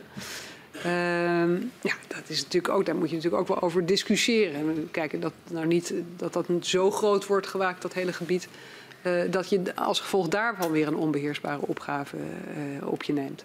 Uh, dus daar was zeker ook discussie met, uh, met de regio over. We hebben natuurlijk met, discussie met maatschappelijke organisaties uh, gevoerd over hun perspectief. En, en ja, die hadden natuurlijk ook ideeën over hoe het zou, zou moeten. Mm -hmm. En tot en met discussies gewoon met, met de uitvoerders. Hè. We hebben natuurlijk wat geëxperimenteerd. De NCG werd de uitvoerder, maar we hebben ook geëxperimenteerd met de zogenaamde bouwimpuls, waar je aannemers gewoon rechtstreeks met bewoners afspraken liet maken, zodat zo snel mogelijk de witte busjes gingen rijden. Dus er waren veel partijen bij betrokken en dat leidde dus ook tot veel discussies. Ja. Wat vond u het lastigste in die discussies? Um, nou, het tempo houden. er was erg veel, erg veel overleg, heel veel bestuurlijk overleg -huh. voor nodig. En dat, dat duurde soms wel erg lang. En ja, dan dacht ik altijd in de tussentijd. Ja, de winkel was wel open, maar die afspraken waren vaak wel nodig om meer te kunnen gaan doen. Ja. Bent u nou geslaagd in de uitvoering van de gebiedsgerichte aanpak zoals u die voor ogen had? Ja, dat vind ik lastig te zeggen, want zolang het niet klaar is, is het niet klaar. En uh, dat, uh, er, in ieder geval was er een, volgens mij een aanpak uh, met meer duidelijkheid voor mensen. met meer ruimte voor de uitvoerder om ook gewoon te doen wat nodig was. Hè. Dus er zijn echt voorbeelden geweest, van, die heb ik ook van de NCG zelf gehoord. Dat er een, een versterking van een, bepaald, van een bepaalde woning helemaal stil lag omdat er een dispuut was over het schuurtje. Ja, toen heb ik gezegd, ja, maar waarom is daar een dispuut over en waarom klop je dan bij ons aan? Doe het gewoon. Mm -hmm. Dus de, dat de NCG gewoon beschikking heeft gekregen over geld en ruimte. Om gewoon zelf besluiten te nemen, niet iedereen voor alles aan te kloppen hier uh, in Den Haag. En dat soort dingen is denk ik wel geluk. Maar of je daarmee kunt zeggen dat de gebiedsgerichte aanpak in zijn totaliteit, dat kun je natuurlijk pas zeggen uh, als we veel verder zijn en echt zicht hebben op het afronden van die versterkingsoperatie. En de planning die er nu ligt, ja, dat, duurt nog wel een aantal jaren. Ja. U gaf net aan, hè, u had ook wel een discussie met de uh, minister van Financiën erover. Um, wat is nou de afdronk wat dat betreft, zeg maar?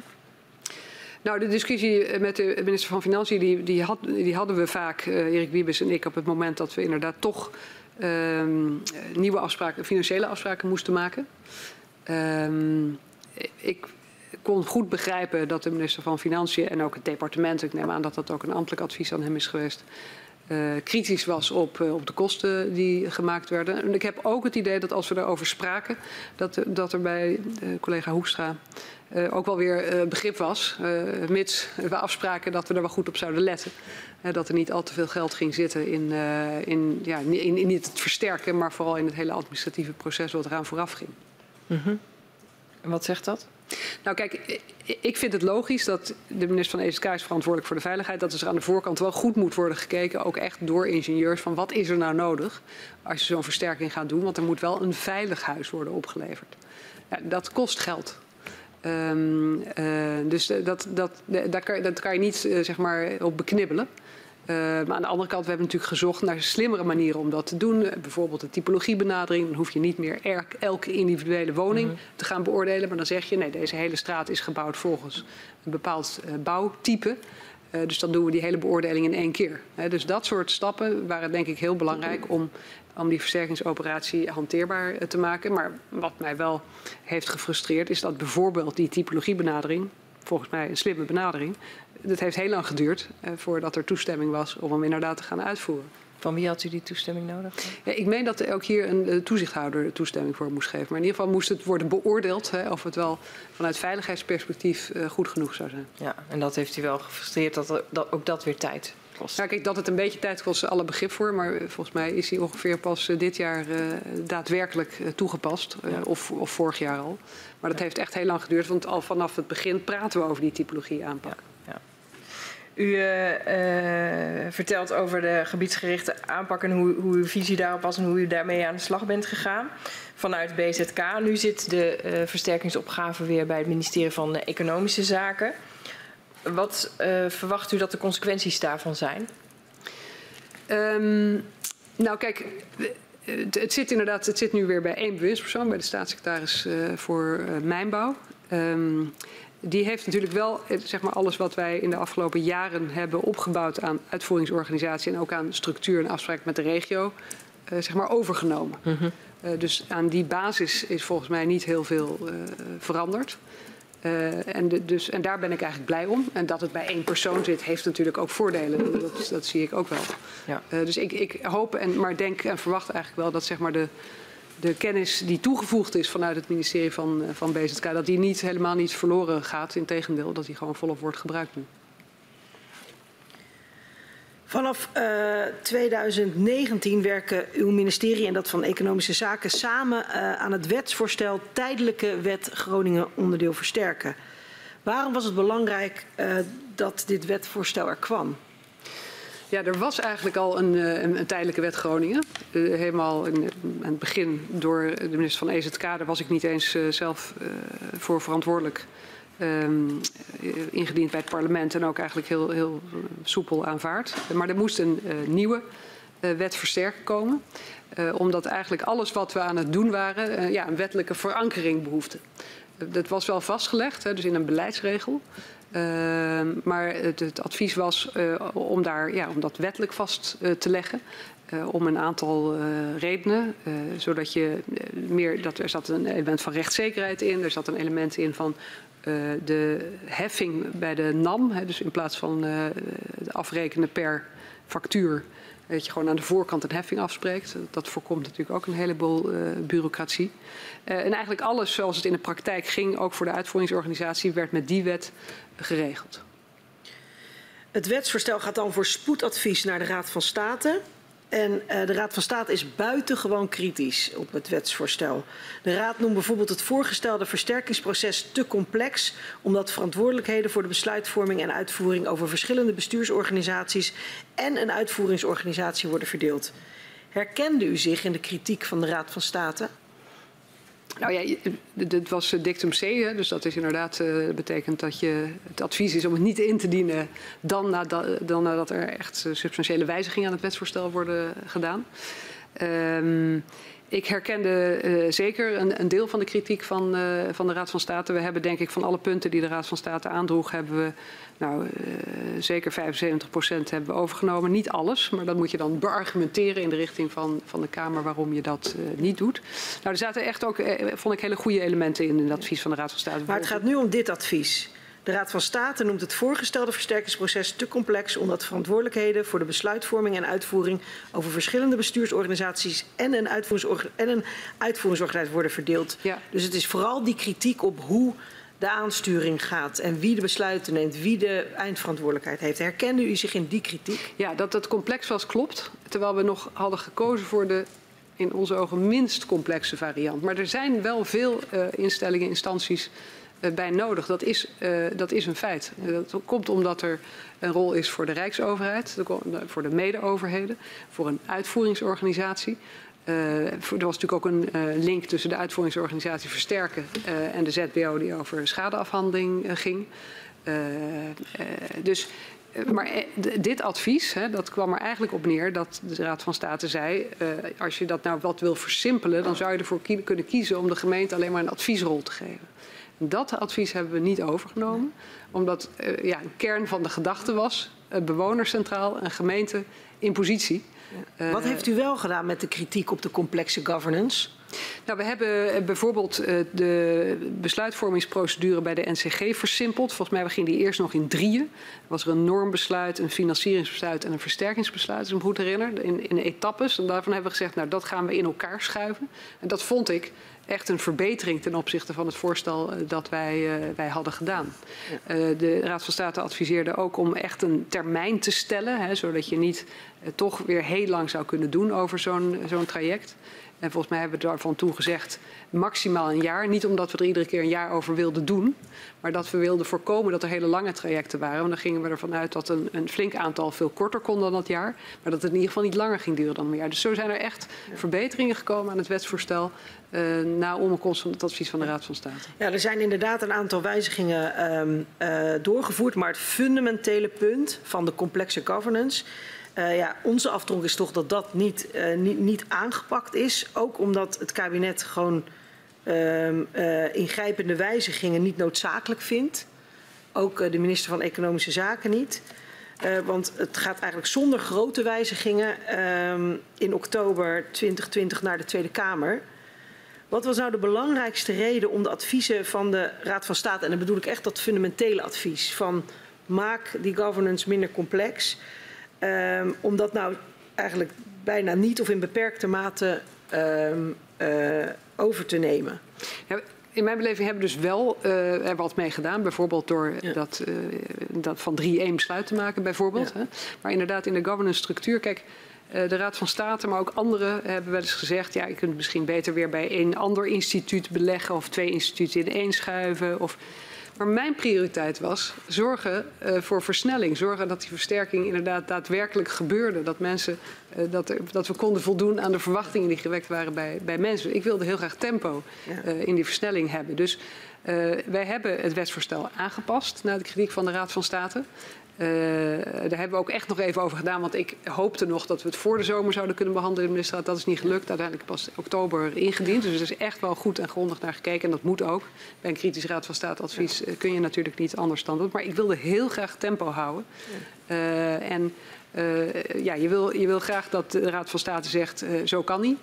Um, maar uh, ja, dat, dat, was ook in mijn beleving zo. En verder hebben we natuurlijk gewoon open aan de Kamer gezegd waarom we deze keuze maakten en niet een andere keuze. En waar zit dan dat verschil? Want, want de Raad van State is eigenlijk bang voor complexe uh, uh, governance leidt tot vertraging, niet tempo.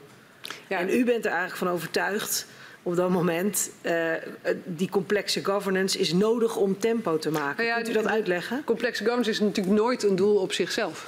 Maar het was, de feitelijke situatie was dat er al bepaalde instanties waren met bepaalde taken. Er was al een, een ZBO, IMG, die verantwoordelijk was voor de schadeafhandeling. Er was een uitvoerder voor de versterking, dat was de NCG.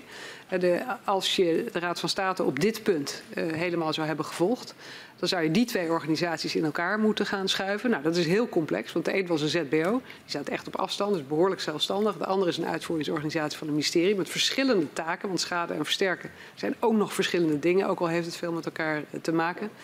Um, ja, dan zou alle energie weer daarin gaan zitten. En dan dacht ik, ja, dan zijn we weer jaren verder. Uh, in de tussentijd riskeren we dat de versterking niet opschiet. Uh, omdat de mensen die nodig zijn om die versterkingsoperatie op gang te krijgen, uh, dan bezig zijn met de reorganisatie. Dat leek mij echt niet in het belang van de mensen in Groningen. Dus ik, ik heb dus, je kunt zeggen het is complex. Voor mij was het de bestaande situatie die op zichzelf best werkte. En we hebben wel gezegd, ook naar aanleiding van de Raad van State, maar ook zeker daarna uh, op verzoek van de Tweede Kamer. Natuurlijk, die twee organisaties moeten samenwerken. En de mensen in Groningen moeten daar zo min mogelijk last van hebben dat het ja. verschillende organisaties ja. zijn. Mag ik dan wel concluderen dat in een ideale wereld u het eens bent met de governance is te complex, liever simpeler. Maar omdat het, nou ja, om, om weer het systeem eigenlijk te gaan veranderen, kost te veel tijd. En daarom willen we daar niet aan tornen, want we willen het tempo maken. Ja, dat is denk ik de, conclusie. Als je helemaal uh, opnieuw zou beginnen en aan de voorkant precies alles zou weten, dan zou je het natuurlijk zo simpel mogelijk maken. Maar die ideale wereld is er natuurlijk zelden. Uh, dan moet je prioriteiten stellen. En dan was mijn prioriteit is zorgen dat die uitvoering kan uitvoeren. Uh, en dat je, dat je de mensen in Groningen kunt geven wat, waar ze behoefte aan hebben. En dat is duidelijkheid en uitvoering. Ja. Maar de wet is er nog steeds niet. Nee. Die is in ieder geval niet door de Eerste Kamer. Welke consequenties heeft dit volgens u voor de Groningers? Nou ja, dit is natuurlijk heel vervelend dat die wet er nog steeds niet is. Dat heeft overigens ook weer andere redenen uh, dan waar we het net over, uh, over hadden. Maar uh, nou, dat weet de commissie denk ik ook heel goed.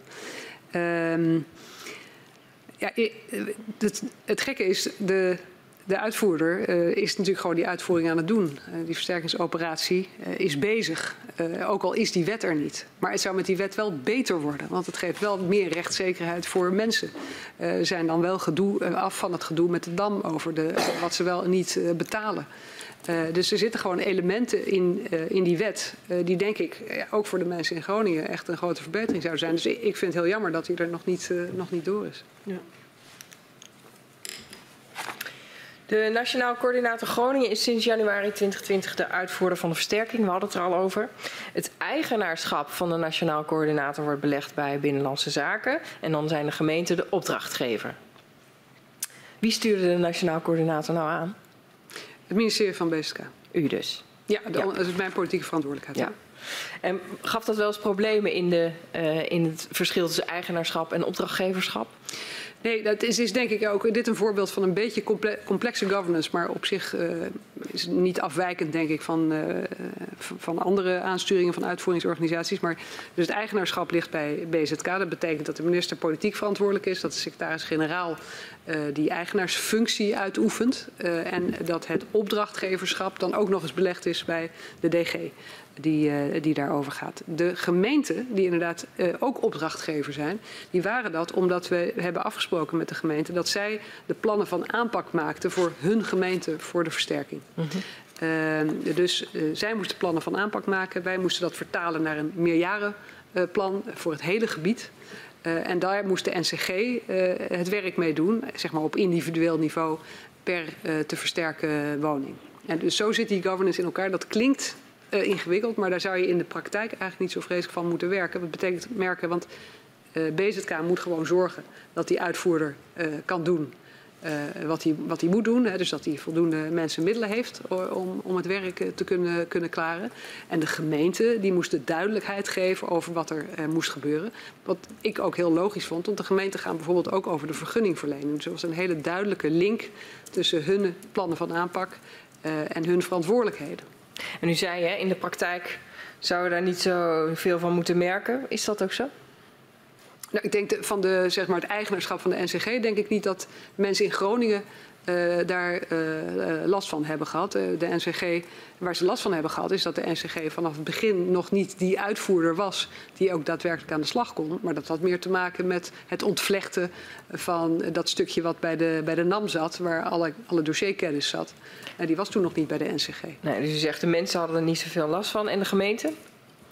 Uh, nou, de gemeenten waren daarmee in positie gebracht. Dus ik denk dat het voor de gemeente ook een stap vooruit is uh, geweest dat de NCG bij BZK zat en dat zij uh, met die plannen van aanpak ehm, ja, duidelijk richting konden geven aan de versterkingsoperatie in hun gebied. En dat zijn nogal grote gebieden daar. Het zijn, zijn niet zulke grote gemeenten, maar wel zeg maar, qua oppervlakte natuurlijk grote gebieden met veel dorpskernen. En, dus hun expertise, namelijk kennis van het gebied, kennis van hun bewoners, die komt dan ja, to, tot zijn recht. En de SG? En de SG, ja, de SG die, die, die heeft de eigenaarsrol van de uitvoeringsorganisatie. Hè. Dus dat is echt uh, praten uh, met de directeur van het NCG. Maar heeft u er last van gehad dat hij aan de ene kant de, als eigenaar, onder de eigenaar Binnenlandse Zaken viel... en aan de andere kant opdrachtgevers als gemeente had?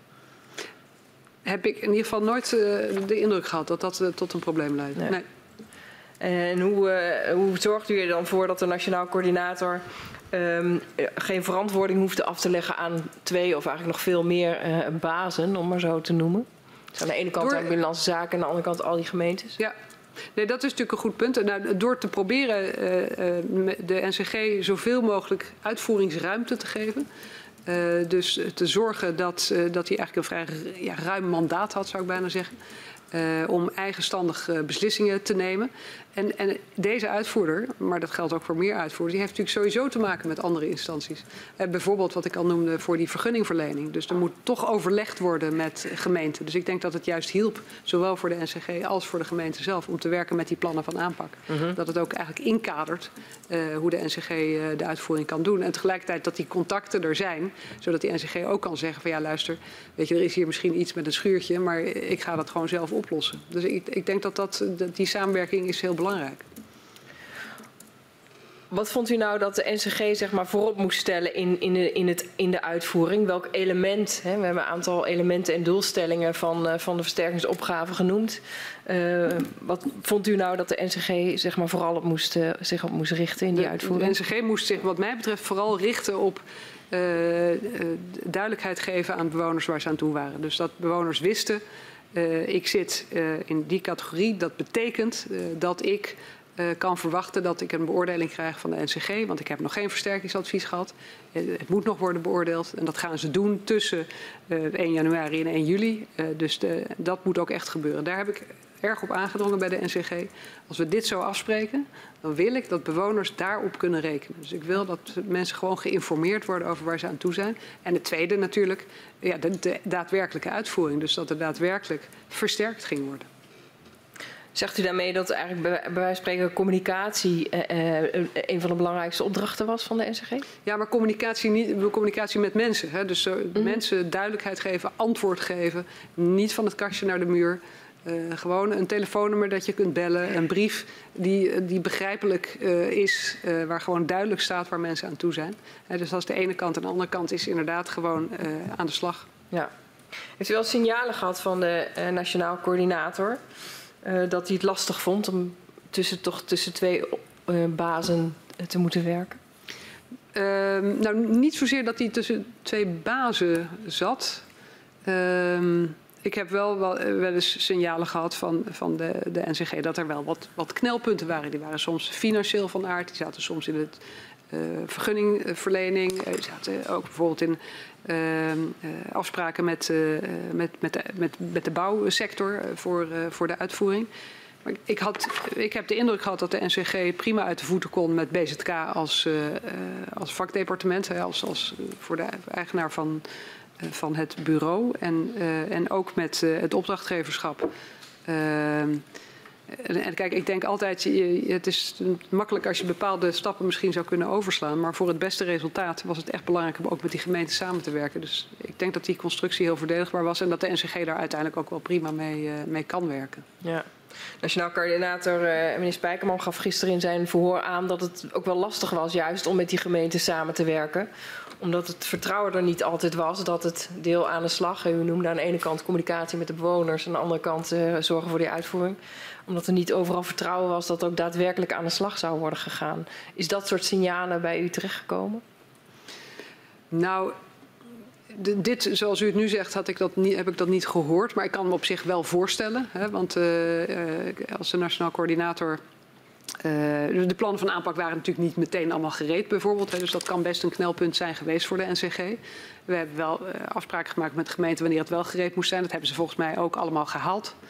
Uh, dat gaf weer duidelijkheid voor, voor de NCG, voor de uitvoering. Uh, maar dus in die zin kan ik me er wel iets bij voorstellen, maar ik heb het op die manier toen niet uh, direct gehoord. Nee. En in welke uh, mate was veiligheid van belang, zeg maar, in die versterkingsopgave die, die de NCG uit moest voeren? Nou, de, de veiligheid was belangrijk, omdat het natuurlijk in ieder geval de, dat de basis was voor iedere versterking, dat het daarna een veiliger uh, huis zou opleveren. Dat voldeed aan, aan, de veiligheidsnormen die niet door ons werden gesteld, uh, niet door de NCG en ook niet door BZK, maar onder verantwoordelijkheid van EZK werden vastgesteld. Mm -hmm. En in hoeverre kreeg u daar signalen over dan, dat de NCG daar mee worstelde hoe dat dan weer ingepast moest worden? Daar heb ik geen signalen van gehad dat de NCG daarmee worstelde. Nee. nee. We lezen namelijk in een, uh, een nota uh, in uh, juni 2020 de NCG inderdaad ook wel aangeeft van ja, het lijkt er wel op dat, um, ja, dat ik toch met verschillende opdrachten te maken heb en daardoor um, ja, wordt, um, ja, hoe zou ik het zeggen, van, van het kastje naar de muur is niet, niet wat ik bedoel, maar wel van de een naar de andere kant wordt gezet. Maar aan de ene kant de veiligheidsopgave, de andere kant wat de gemeentes wensen. Nou ja, dat, dat snap ik wel. We, pas later, dus na, uh, volgens mij in het najaar van dat jaar, uh, hebben we natuurlijk ook die, die nieuwe indeling afgesproken. Uh, in een afspraak met alle regiobestuurders en met, natuurlijk ook met de uitvoerder. -huh. En dat gaf natuurlijk veel meer duidelijkheid daarover. Dus en dat gaf ook weer nieuwe problemen, want dat betekent ook wel dat de NCG weer moest werken met, ook met de mensen die al versterkingsadvies hadden. Uh -huh. Dat ze de mogelijkheid kregen tot een herbeoordeling. Nou, ik geloof dat inmiddels we weten dat ongeveer 60% van de mensen kiest voor zo'n herbeoordeling. Wat op zich heel goed nieuws is.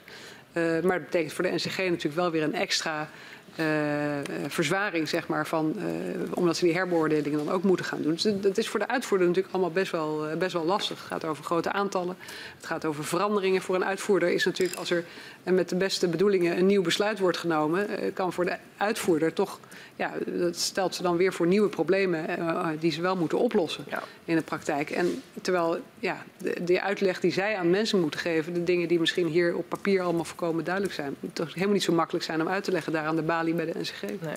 U zegt de signalen herken ik wel, al zal ik ze niet allemaal zo uh, op mijn uh, bureau hebben gekregen. En uiteindelijk moest in dat bestuursakkoord van het najaar van 2020 moest het allemaal opgelost worden. Wat ook wel ja. weer nieuwe vraagstukken opleverde. Is dat, vat ik het daarmee samen wat u bedoelt? Ja, dat is, dat, ik denk dat dat wel, wel klopt. Ja. En, en waarbij het natuurlijk ook zo was dat de NCG uh, ook heel lang, of heel lang, maar toch bezig is geweest om te groeien tot zo'n uitvoeringsorganisatie die beschikte over de, uh, ja, de dossiers, zoals het heet, mm. gewoon de informatie over de adressen. Uh, dat heeft ook veel, veel tijd gekost. Ja. Dat, ik heb toen begrepen van de NCG zelf dat Uh, wat ze overkregen van het Centrum uh, Veilig Wonen van de NAM. Ja, dat het eigenlijk niet was. De dossiers waren niet compleet. Uh, het gaf hen geen helder overzicht van het adressenbestand. dus daar is, is, dat was niet de verwachting. Hè. Men dacht eigenlijk gewoon, hup, hier is het. We brengen het naar de NCG en dan kunnen we verder. Mm. Maar het heeft, heel, heeft maanden en maanden gekost, misschien ja. wel een jaar. In hoeverre waren middelen nou nog een knelpunt bij de NCG in uw tijd? Nou, dat, dat was een knelpunt ook door de NCG aangedragen. Dat ze zeiden, we hebben eigenlijk geen ruimte om eigen afwegingen te maken. We moeten eigenlijk voor iedere, uh, ja, als we ergens denken dat we extra kosten zouden moeten maken, moeten we er toestemming voor gaan vragen. Uh, en daarvan heb ik gezegd, nou, uh, ten eerste wil ik helemaal niet dat je voor kleine dingetjes toestemming komt vragen. Mm -hmm. Maak daar vooral een eigen afweging. Dat schuurtje waar u eerder over sprak? Dat, ook het schuurtje inderdaad. Maar maak vooral een eigen afweging. Uh, en als dat later leidt tot een aantekening ergens in een, in een van een financieel rapport van een controller, dan neem ik dat voor mijn rekening. Maar ik vind het belangrijker dat je door kunt gaan met de versterking en dat je daar zelf een besluit in neemt. En het andere punt was inderdaad, maar dat ging dan meer over die schuurtjes. Okay. Dat er soms gewoon met een beetje extra geld iets wat misschien ja, een beetje een twijfelgeval was, toch kon worden opgelost. En daar hebben we uh, ook in die bestuurlijke afspraken van gezegd... de NCG moet beschikken over een zogenaamde knelpuntenpot. Ja. Uh, zodat ze dat gewoon zelf kunnen dekken. U bent met uw ministerie dus aan de slag met de versterkingsopgave... maar de afhandeling van de schade blijft bij EZK. Waarom gaat de afhandeling van de schade eigenlijk ook niet bij BZK? Nou, dat is, dat is, later is dat wel een discussie geworden. Maar op dat moment was dat eigenlijk helemaal niet zo'n discussie. Er was uh, de schadeafhandeling uh, daar was uh, door uh, de collega van EZK mee gestart om, om dat anders te doen. en ook achterstanden in te halen. dat was belegd bij IMG, ik weet niet of dat toen al zo heette, maar in ieder geval dat, was ook op afstand gezet, een ZBO. Met geld, met regels en ook wel met succes, hè, want de, de, schadeafhandeling ging, ging veel beter. de achterstanden werden langzaam maar zeker ingelopen. Er kwamen betere afspraken. Mensen konden kiezen voor of een bedrag of een uitgebreidere beoordeling. Uh, dus dat, dat liep eigenlijk wel. Dus het ging vooral over die versterking en die liep niet. Maar u zei wel, er is wel een moment geweest. Ja, later. En waarom, ja. waarom, wat, wat zijn dan de overwegingen om het toch te doen? Nou, later bij de wetsbehandeling uh, is dit punt uh, erg naar voren gekomen. Um, maar op het moment van het besluit om de versterking bij BZK over te brengen en schade bij EZK te houden, is het. Ik denk wel dat het even is bediscussieerd. Van is het logisch om dan. Hè, het was natuurlijk een soort gedachte van EZK is gaswinning ondergronds en moeten we dan niet het hele bovengrondse gedeelte. Dus dat, ik denk wel dat dat toen even zo is bekeken. Maar omdat het eigenlijk wel liep en omdat er ook zo'n rechtstreeks verband was tussen gaswinning, aardbeving, schade en zo snel mogelijk uh, verhelpen, leek het logisch om, om dat zo te houden. Ja. En, en waar baseert u trouwens op dat dat liep? Wat, wat, dat, wat nou, dat is, daarmee? Dat is de indruk die ik heb gekregen, dat ja. dat eerst ook niet goed liep. Uh, dat er erg weinig werd uitgekeerd. Dat er ook veel discussie was met de NAM over of mensen wel of geen schadevergoeding zouden krijgen. Dat EZK heeft gezegd, nou daar willen we vanaf. Dat gaan wij uitvoeren. Dat gaan we financieel ook wat ruimer doen. En we gaan mensen die keuzemogelijkheid geven. En ik meen, heb ik in ieder geval altijd begrepen, maar ik denk gewoon door uh, de, de vergaderingen in de ministerraad en zo. Dat, en ook door het bestuurlijk overleg, dat de achterstanden daar ook op een gegeven moment uh, nagenoeg waren ingelopen. Dus dat was mijn uh, indruk. Er zijn wel verschillende partijen die kritiek hebben op die keuze. Dat niet ook de schadeafhandeling naar BZK gaat. Uh, behalve de Raad van State zijn ook maatschappelijke organisaties zoals het Groninger Gasberaad en de Groninger Bodembeweging hier kritisch over. Heeft u met deze partijen ook wel eens over gesproken? Um, de, de, kritiek is, de discussie daarover is in mijn uh, beleving pas begonnen toen we met de wetsbehandeling bezig waren. Um, de Kamer heeft er toen ook vragen over gesteld. Um, dus die, die speelde eigenlijk niet op het moment dat we versterking naar BZK brachten. Uh, en ook niet toen we zelf de wet in elkaar aan het zetten waren. Want de Kamer wilde en, eigenlijk één wet. Daarom ik wilde één ja, organisatie. Want, we spraken althans, net over die wet, ja. die ging over versterken. De Kamer wilde één wet voor schade en versterken. Ja, nou in ieder geval toen we de wet ja. versterken behandelden, hebben Kamerleden de vraag gesteld: zou het niet verstandig zijn om die twee in één te schuiven? Want, en die redenering snap ik heel goed, mensen hebben te maken met twee loketten in Groningen. Uh, en we moeten proberen het eenvoudig te maken voor mensen. Dus waarom kunnen we niet één loket maken, dus één organisatie? Ja. En heeft u daar ook dan uh, ja, in ieder geval die input, die feedback meegenomen en toen nog iets overwogen? Of was het gewoon, nou, wij zijn van mening dat dat niet nodig is? Nee, dat laatste natuurlijk niet. We hebben dat natuurlijk wel uh, serieus genomen. Maar we hebben eigenlijk de oplossing gezocht niet in een, een, een reorganisatie... waarin je dus een, een, ZBO op afstand en een uitvoeringsorganisatie... Uh, misschien wel met een jarenlange reorganisatie opzadelen. We het echt belangrijk dat die versterking uh, doorging. die was eigenlijk ja, langzaam maar zeker wat op stoom aan het komen. Uh, dus daar hebben we niet voor gekozen, maar hebben we het wel heel serieus genomen. In die zin dat we ook aan beide organisaties hebben gevraagd: van waar zitten nou de raakvlakken en hoe kunnen jullie samenwerken op zo'n manier dat inderdaad uh, het voor, voor, voor de mensen in Groningen niet uitmaakt. Dus als je bij bezig bent met schade, dat je ook vragen kunt stellen over versterken of omgekeerd. Als je in een versterkingstraject zit en je hebt ook schade, uh, dat je dan niet ook naar dat andere loket hoeft te gaan. En die afspraken zijn gemaakt tussen de twee organisaties en ook in de wet. Uh, de, zo de, organisaties niet alleen hebben toegezegd dat ze het gaan doen, maar ze moeten het ook doen. Maar ondertussen hebben de Groningers wel gewoon te maken met twee organisaties. Welke consequenties heeft dat, denkt u? Nou, mij is uh, verzekerd dat in het, het grootste deel van de versterkingen uh, dat echt uh, losstaat van schade. He, dus dat van alle mensen die, die bezig zijn met versterking, dat maar, nou wat was het, 15 tot 20 procent uh, ook in een schadetraject zit. Dat betekent dat meest, voor de meeste mensen dit niet geldt. Dus het gaat voor die groep waar het wel voor geldt. Dat zij weten dat ze kunnen kiezen door te zeggen van ik ga nu met die versterking aan de slag. Maar ik wil dat jullie, uit wie het doet maakt me niet uit, maar dat die schade nu ook wordt geregeld. En dat degene met wie het te maken hebben dat dan moeten regelen. En dat dat betekent dat misschien de SG even bij de ING moet aankloppen. Daar moeten de mensen eigenlijk niks van merken.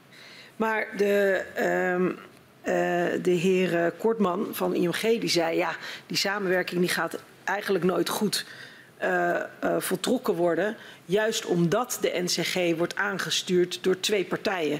Zolang zowel de gemeente als um, het Rijk daar aan het roer zitten, gaat dat een lastig verhaal worden. Omdat daarmee eigenlijk die autonomie van de NCG te weinig geborgd is waardoor je die samenwerking nooit goed, uh, nou ja, waardoor je die nooit goed op de wagen krijgt? Nou, kijk, de NCG is uh, strikt genomen, dat is een uitvoeringsorganisatie van een ministerie. Uh, dat, de IMG is een ZBO, dus die is wat uh, zelfstandiger. Die staat verder op afstand inderdaad van uh, de verantwoordelijke bewindspersoon en het verantwoordelijk ministerie. Maar dat zou in de praktijk toch niet moeten uitmaken. Ik vind dat een wat legalistische benadering. Want in de praktijk gaat het natuurlijk gewoon over per adres en bewoner. wat je in, in de uitvoeringspraktijk, dus echt gewoon diep bij de, mensen die gewoon dit werk doen wat zij met, met, die, met die persoon kunnen bespreken. Wat voor afspraken ze daarover maken. En uh, ik snap heel goed hè, vanuit de deskundigheid van de mensen die versterking doen. Dat ze zeggen, kijk, je kunt een huis versterken. Maar daarmee voorkom je niet per se schade. Het kan best zijn dat een versterkt huis bij een aardbeving alsnog schade heeft. Dan moet je gewoon hè, naar, naar de IMG voor, schade, uh, voor een oplossing van je schadeprobleem. Uh, en omgekeerd ook, een, een, schade betekent ook niet per se dat je een heel onveilig huis hebt. Dus je moet die twee dingen wel uit elkaar trekken. Schade is vaak ook sneller uh, te verhelpen, versterken zijn veel langdurigere trajecten. Dus het zijn echt wel verschillende takken van sport. Dus u bent eigenlijk maar, ook van de school dat het gewoon twee aparte zaken zijn die ook twee organisaties nodig maar wat, hebben. Zoals ik net al zei, als je helemaal opnieuw zou beginnen, zou je dat prima ook in één organisatie kunnen, kunnen beleggen. Uh, maar ik denk dat we heel goed uit de voeten kunnen met twee. Maar ik vind het wel heel belangrijk dat de Groningers uh, die, uh, die zeg maar, met die schade zitten of met die versterking zitten, dat zij er zo min mogelijk last van hebben. Hoe, um, hoe reflecteert u eigenlijk daarop? Want het is in een aantal keren al de revue gepasseerd van in een ideale wereld zou je het eigenlijk zo doen. Maar voor de organisatie is het ingewikkeld of het duurt te lang om het te veranderen. Of dan moeten, gaan we het niet zo doen en gaan we eigenlijk een beetje repareren. Kunt nou, u daarop re reflecteren? Want dat was zowel uh, toen we het net hadden uh, over uh, nou ja, hoe de ideale wereld eruit zou zien voor de Groninger. Die, die, die een huis heeft met schade of, of die versterking nodig heeft. En nu is het eigenlijk weer.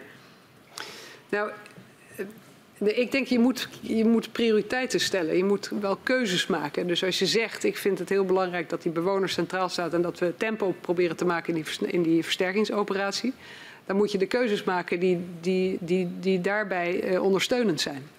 Uh, en ik ben ervan overtuigd, uh, ook na uh, ook andere ervaringen die ik heb gehad, als je kiest voor iets waar een grote reorganisatie aan vastzit, dat dan heel veel tijd en energie daarin gaat zitten. En dat zijn precies de mensen die je nodig hebt om ervoor te zorgen dat we de afspraken nakomen. En dus dat is, als ik dan moet kiezen, dan zeg ik nou laten we dan maar die imperfecte situatie laten bestaan van die twee organisaties. Het, is, het, kan veel, het kan anders, het kan beter, ongetwijfeld. Maar feit is dat we twee organisaties hebben. Uh, dat we gewoon afspraken kunnen maken over dat ze moeten samenwerken. Dat dat voor die mensen die dat graag willen dus mogelijk is. En dat het voor de versterkingsoperatie uh, verreweg te verkiezen was. Omdat je daarmee geen tempo verliest. Ja. En het is voor u wel wenselijk om in ieder geval één loket te hebben.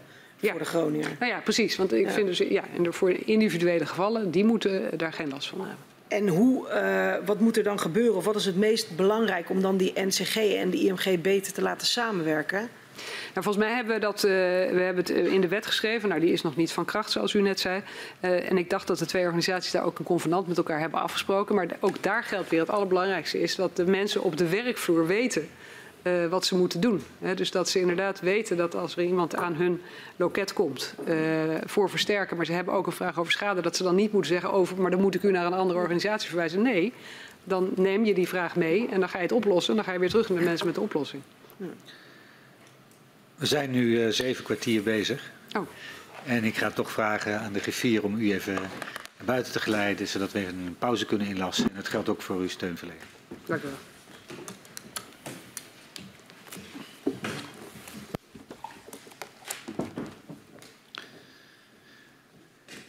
En ik ga de vergadering schorsen tot uh, vier uur.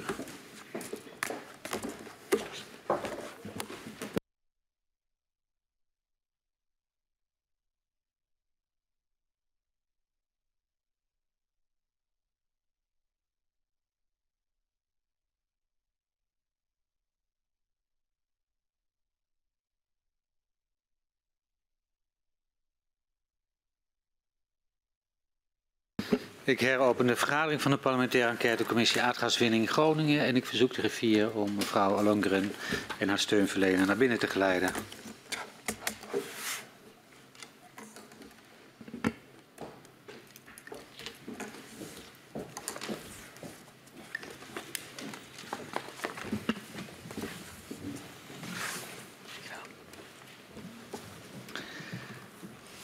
Gaan weer verder en ik geef mevrouw Tiele het woord.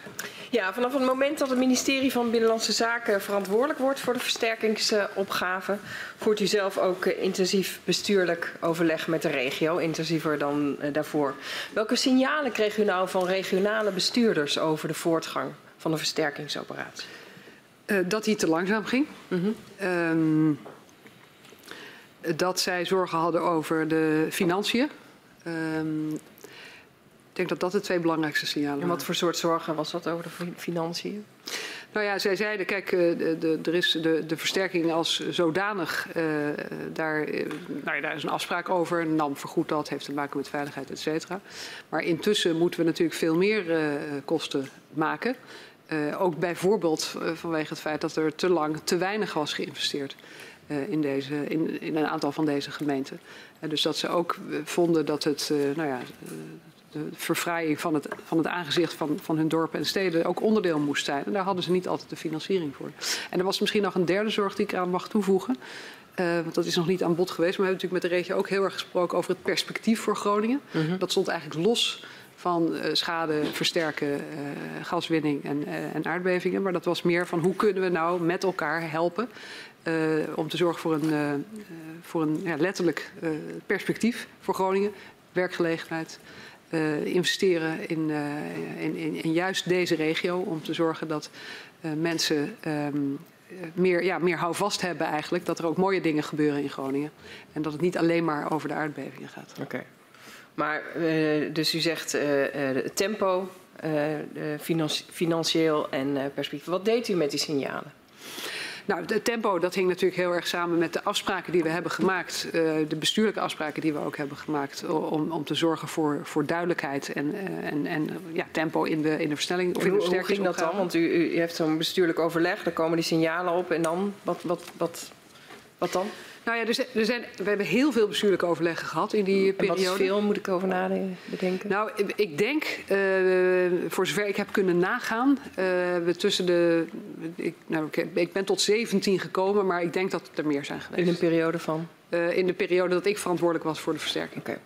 Dus dat, is, dat, dat vind ik veel. Dat is in ieder geval veel meer dan ik met andere uh, delen van Nederland voor bestuurlijk overleg heb ja, gehad okay. over andere thema's. Dus dat is heel veel. Ja. Maar dat is, dat is ook he, goed uh, te begrijpen natuurlijk, dat we veel bestuurlijk overleg met elkaar moesten hebben. Um, maar het is inderdaad wel zaak om niet alleen te praten, maar dan ook te doen. Mm -hmm. En daarom wilden we graag, of wilde ik graag, dat we ook bestuursakkoorden sloten met de regio. Zodat, we, uh, zodat die bestuurlijke overleg ook ergens toe leidden, dat we dat vastlegden. Mm -hmm. uh, en dat ging dan bijvoorbeeld over de wijze waarop we die uitvoering gingen doen. Dat ging over uh, de financiële middelen die we beschikbaar stelden. Dat ging dus ook over dat, dat perspectief voor Groningen. Mm -hmm. daar is ook een, ja, er is weer een aparte afspraak over gemaakt. Ook aparte middelen voor beschikbaar gesteld. En onder verantwoordelijkheid van. En onder aanvoering eigenlijk ook van de commissaris van de Koning van, uh, van Groningen, uh, konden ze daarmee uh, aan de slag. Dus het, ik heb wel geprobeerd in die bestuurlijke overleggen ook toe te leiden tot besluitvorming en ja, zogenaamd handelingsperspectief, zodat er ook wat gebeurde. Ja, dus als we dan even alle drie apart pakken, hè, dus de, de, de zorg over het tempo, wat, wat kwam er dan zeg maar voort waarmee ook daadwerkelijk geacteerd werd op die, dat signaal? Nou, ik denk de, de afspraken die we daar ook maakten, dus de, zorg over het tempo, was dat, dat zij gewoon zeiden: ja, weet je, er zijn, er zijn dingen die lopen vast. Uh, omdat bijvoorbeeld de uitvoerder geen uh, mandaat heeft. Of omdat er een, uh, we gedoe hebben met, met de NAM. Hè, want er waren natuurlijk versterkingstrajecten die al liepen. onder verantwoordelijkheid van de NAM en de CVW. die vast waren gelopen, waar gewoon niks meer gebeurde. Dus proberen dat soort dingen vlot te trekken. Het ging... En hoe heeft u dat vlot getrokken? Nou, door gewoon daar aandacht aan te geven. en door ook tegen, tegen de uitvoerder te zeggen. ga ook zorg ervoor dat je met voorrang dit soort gevallen ook behandelt. Dus aan de voor... nationaal coördinator? Ja, want dat, uiteindelijk moest daar natuurlijk de, de, uitvoerder moest wel degene zijn die, uh, die, ja, die echt het probleem oploste. Daar kan je natuurlijk op proberen te sturen door afspraken te maken, door problemen op te lossen. Maar in de praktijk en voor de, de mensen om wie het ging, was het natuurlijk zaak dat de, dat de nationaal coördinator daar die rol in speelde. Of wat ik noemde bijvoorbeeld de bouwimpuls, waar gewoon afgesproken was voor 1100 woningen. Dat doen we rechtstreeks tussen de aannemer en de bewoner. Um, uh, maar daar werd het ook opgelost en dan wisten de bewoners dat ook. En dan die financiën, wat is daarmee gebeurd, zeg maar, om te zorgen dat er met het signaal ook daadwerkelijk iets werd gedaan? Nou, de, de, de, twee keer hebben we daar ook een bestuursakkoord over gesloten. We hebben uh, apart geld beschikbaar gesteld voor Groningen voor andere zaken dan, uh, dan versterken en, uh, en schade. Dit ging juist niet daarover, wat ik noemde de, de werkgelegenheid. -huh. uh, en dat soort zaken. Het lag overigens ook heel erg op het terrein van EZ. Het ging over waterstof en over investeringen in de, in de regio. Um, uh, maar ik denk het belangrijkste is toch die, die bestuurlijke afspraken over hoe, hoe we die versterking gingen aanpakken. Duidelijkheid geven voor mensen. Uh, had je al een versterkingsadvies, viel je in die categorie. De, nou, het voorbeeld wat ik gaf van, van Opwierde in Appingedam, er waren meer van dat soort voorbeelden. We hadden ook uh, de Zandplatenbuurt in, in Delfzijl uh, bijvoorbeeld, daar ben ik zelf twee keer geweest. Uh, waar uiteindelijk ook weer afspraken hebben kunnen maken over sloopnieuwbouw. Wat de mensen graag wilden. We hebben veel over, overleg ook gehad met woningbouwcorporaties. Natuurlijk veel corporatiebezit ook in, in het gebied. Nou, daar was eigenlijk nog niet zo heel veel aandacht aan besteed. We hebben ook goede afspraken over kunnen, kunnen maken. Zodat we eigenlijk hand in hand gingen, de versterkingsoperatie en uh, investeren in de woningbouwcorporatie woningen. Dus we hebben huurders uh, tegemoetkomingen gegeven. Dus we hebben eigenlijk op verschillende onderdelen gewoon geprobeerd in te zoomen en te, toe te werken naar een oplossing. Was u het altijd eens met de regionale bestuurders? Nee, niet altijd. Kunt u een voorbeeld geven dat u dacht, jongens, hier ben ik het totaal niet mee eens? Nou kijk, uh, vaak als je echt de inhoud inging en, en, vooral als het ging over concrete problemen van mensen, nou, dan ben je het toch wel heel snel met elkaar eens. Maar de discussies gingen soms niet op dat uh, concrete niveau. Uh, maar gingen wat meer hoog over, mm -hmm. over orde van grootte van uh, bedragen bijvoorbeeld. Mm -hmm. daar heb ik wel eens gevonden dat er vanuit de regio wel zulke hoge bedragen werden genoemd. Dat ik dacht, ja, wat is daar nou eigenlijk de rechtvaardiging van? En dan? Nou, dan, eh, dan, nou, soms werd er wat eh, gebeld eh, tussen bestuurders ter voorbereiding van zo'n bestuurlijk overleg. Ik heb zelf ook wel vaak nog even contact gehad met René Paas, die vaak namens de regio het woord voerde of, of de vergadering voorzat, afhankelijk van of we daar vergaderden of hier in Den Haag. Om, om te proberen dat een beetje glad te strijken. En, en, ja, de intentie van, van onze kant was altijd om er proberen uit te komen met de bestuurders. Maar ja, dat betekent wel ja, van beide kanten soms een beetje geven en nemen. Sprak de regio altijd met één mond? Ehm, meestal wel, denk ik. Ja, ik, ik, meestal, eh, zoals ik me herinner, had de regio ook vaak vooroverleg onderling. Ehm, dat wisten we ook. eh, waarin ze eh, afstemden wat, wat hun inzet was, wie het woord zou voeren en dat soort dingen. Dus dat, dat aan hun kant. Het kan best zijn eh, dat ze voordat ze dat overleg hadden, dat ze nog wel wat van mening verschilden. Maar als ze met ons overlegden, spraken ze over het algemeen met één mond. Zag u verschil tussen de belangen van de provincie en die van gemeentes? In hun... Nou ja, de gemeenten waren natuurlijk in de praktijk degene die er echt mee eh, werkte. De, de provincie had wel een verantwoordelijkheid. En de commissaris van de Koning heeft ook echt een stap naar voren gezet en heeft heel nadrukkelijk dit op zich genomen. Dus ook een, eh, een aantal gedeputeerden hebben dat gedaan in hun tijd, meer als een soort van vanuit een regiefunctie en ook weer vanuit een verantwoordelijkheid die ze hebben voor de ruimtelijke ordening.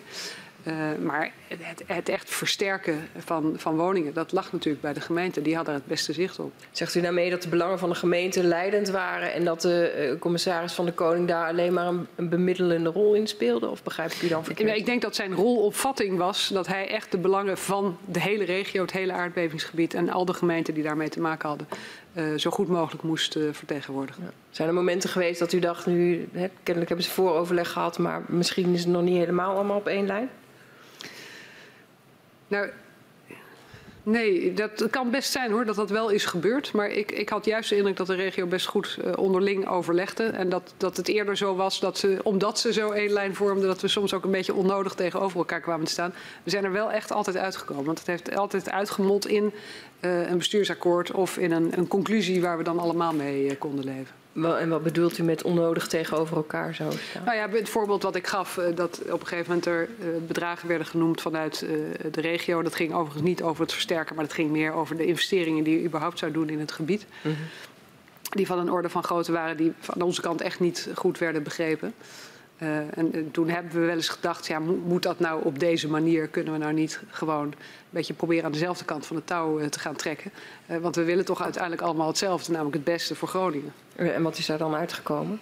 Nou, daar, uiteindelijk is daar een bedrag uitgekomen van, ik meen, anderhalf miljard. -hmm. voor, een, voor een, eigenlijk een, een fonds waar dit soort investeringen konden worden gefinancierd. Ja. Als u dan terugkijkt op die 17 bestuursoverleggen, wat vond u nou het allerlastigste in dat uh, in, dat, ja, in die overleggen? Uh, nou, dat heeft zich ook wel wat ontwikkeld. Ik weet in het begin, toen ik er soms op uitnodiging van Erik Wiebes bij kwam, vond ik ze heel erg uh, lang en gedetailleerd en weinig gericht op besluitvorming. Toen heb ik aan uh, mijn DG gevraagd: van, kun je nou niet iets meer investeren in de voorbereiding hiervan? En proberen ambtelijk al het wat terug te koken tot de echte essentie die we op die bestuurlijke tafel ook met elkaar moeten bespreken, zodat we ook knopen kunnen doorhakken. Want anders dan blijf je proberen elkaar te overtuigen. Dat gaat dan niet lukken. En dan kom je niet tot die besluitvorming. Dus ik, heb geprobeerd dat wat ja, te zorgen voor betere uh, ambtelijke voorbereiding, zodat we bestuurlijk ons konden concentreren op de echte problemen. met als resultaat een oplossing. En ik, ik vind dat dat gaandeweg zich ook heeft ontwikkeld. Die bestuurlijke overleggen werden, werden beter voorbereid, werden korter en waren gericht op welk besluit moeten we nou met elkaar nemen, zodat er weer een volgende stap kan worden gezet. Is het gelukt om de gemeente in positie te brengen? Um, nou ja, dat, is, dat, is, dat hangt er wel mee samen. Is, is tegelijkertijd ook wel weer een andere vraag. Kijk, de gemeente uh, wilde deze taak graag hebben, maar het is ook een moeilijke taak voor gemeenten. Um, en het zijn, zijn niet hele grote uh, gemeenten, althans qua zeg maar ambtelijke organisaties. We hebben vanuit BZK ook aangeboden en volgens mij ook daadwerkelijk in de praktijk gebracht om, om hen daarbij te, te helpen en te stutten. Um, Uh, ze wilden het graag hebben, die taak. Uh, ik denk, het past ook bij de gemeente om dat te doen. Maar ja, in de praktijk is het natuurlijk best wel, uh, best wel lastig. Dus ik denk dat ze in positie zijn, zeg maar in de zin dat zij gaan over die versterkingsopgave. Dat ze met die plannen van aanpakken die neerslaan in dat meerjarenplan. ook de sturingsinstrumenten daar wel voor hebben. Maar dat, ja, dat ze in de praktijk soms toch wel tegen knelpunten aanlopen. Bijvoorbeeld in het overleg met de NCG of in de vergunningverlening of met de provincie. En dat is nog steeds? Dat is nog, denk ik, nog steeds, voor zover ik het kan uh, overzien. En ik denk dat het, ja, dat is ook gewoon de realiteit van, uh, van, van het werk dat gemeenteambtenaren doen. En wethouders natuurlijk ook. Ook als BZK de regie overneemt, dan nou ja, loopt eigenlijk de voortgang van de versterking moeizaam. In hoeverre zijn in uw tijd ook daadwerkelijk onveilige huizen versterkt? Nou, de, er zijn vanaf het moment dat ik het uh, overnam, we goed gaan kijken ook naar waar, waar we stonden in de versterkingsoperatie, hoeveel er daadwerkelijk werd opgeleverd. En ik heb, uh, ben er nou, steeds, we hebben erop gestuurd dat echt onveilige huizen sowieso voorrang zouden krijgen. Dus als jij een acuut onveilige situatie denkt te hebben, dat je je dan meldt en dat er dan ook vervolgens iets aan wordt gedaan, als dat zo is. Hè. Dus acuut onveilig moet eigenlijk niet kunnen. Uh, uh, onveilig is uh, een teken dat het gewoon moet gebeuren. Maar er is dus een verschil tussen. Kijk, er is natuurlijk nog een hele groep, of hele ja, hoeveelheid woningen die nog versterkt moet worden. en een deel daarvan is misschien niet meer volgens de nieuwste inzichten echt onveilig. Maar een deel heeft een versterkingsadvies waarin staat dit moet gebeuren om het veiliger te maken. Dus er is verschil tussen acuut onveilig en ja. onveilig en kan beter. Maar het was er natuurlijk ook op, op, gericht om daadwerkelijk onveilige huizen te versterken. Ja. Hoe, hoe, verzekert u zich daar dan van? Weet je, had u dan bijvoorbeeld gewoon voldoende beeld van hoeveel mensen zich in een onveilige situatie bevonden? Nee, maar, nee kijk, de, de, de veiligheidskant, hè, dat was in de, de taakverdeling zoals we die hadden gedaan, dat vind ik ook zuiver. Die beoordeling van de veiligheidskant lag niet bij BZK en ook niet bij de NCG. Dus de kaders eigenlijk voor veiligheid die worden onder verantwoordelijkheid van EZK. Eigenlijk door een deskundige commissie wordt dat, uh, wordt dat beoordeeld.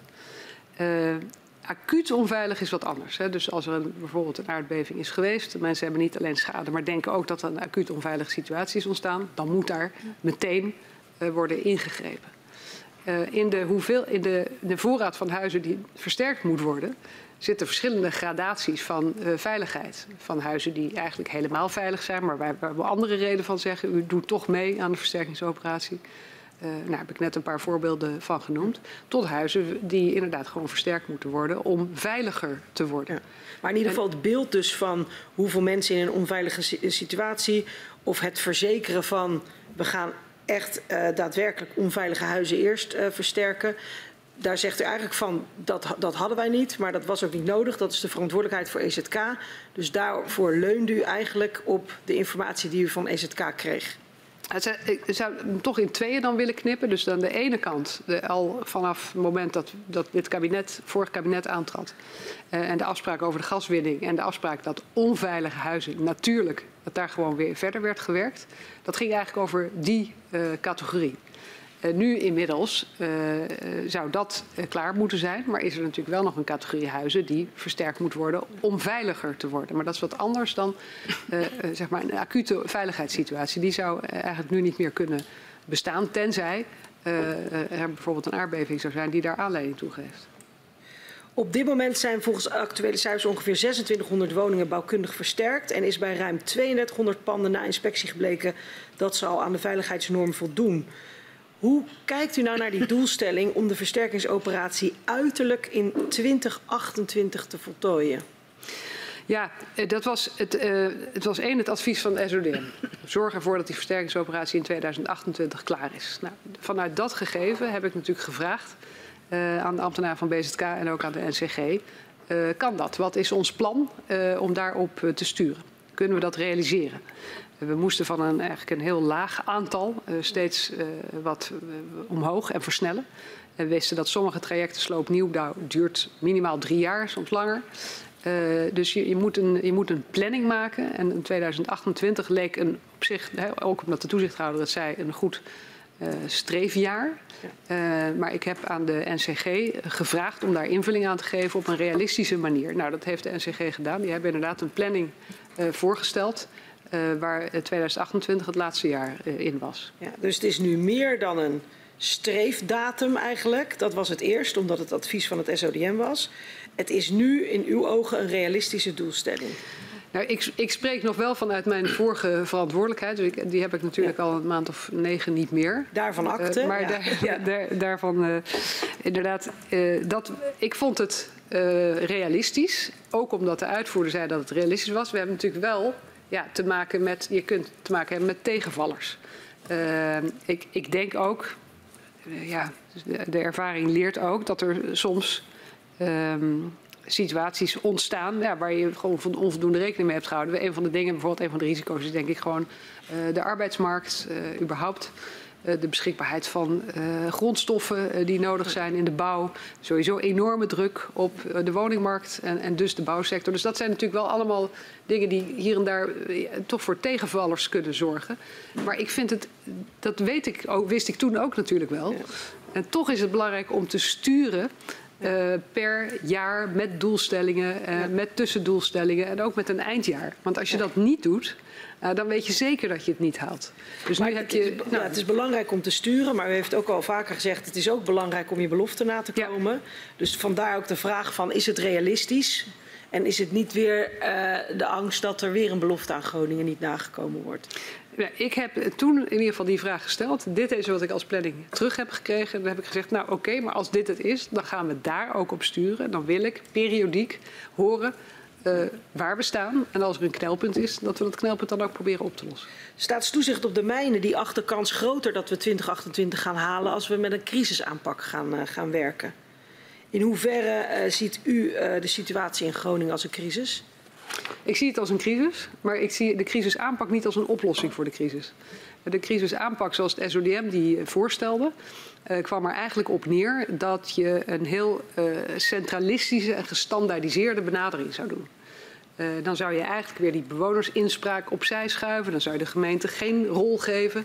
Dan zou je ook geen rekening houden met uh, ja, bepaalde wensen die mensen hebben. Bijvoorbeeld voor versnellen of soms juist om te vertragen. Ik ben ook op werkbezoek geweest bij mensen die zeiden... ja, wij hadden eigenlijk nu al in de versterking kunnen zitten... maar een van mijn kinderen doet eindexamen... dus we hebben gevraagd of het volgend jaar kan.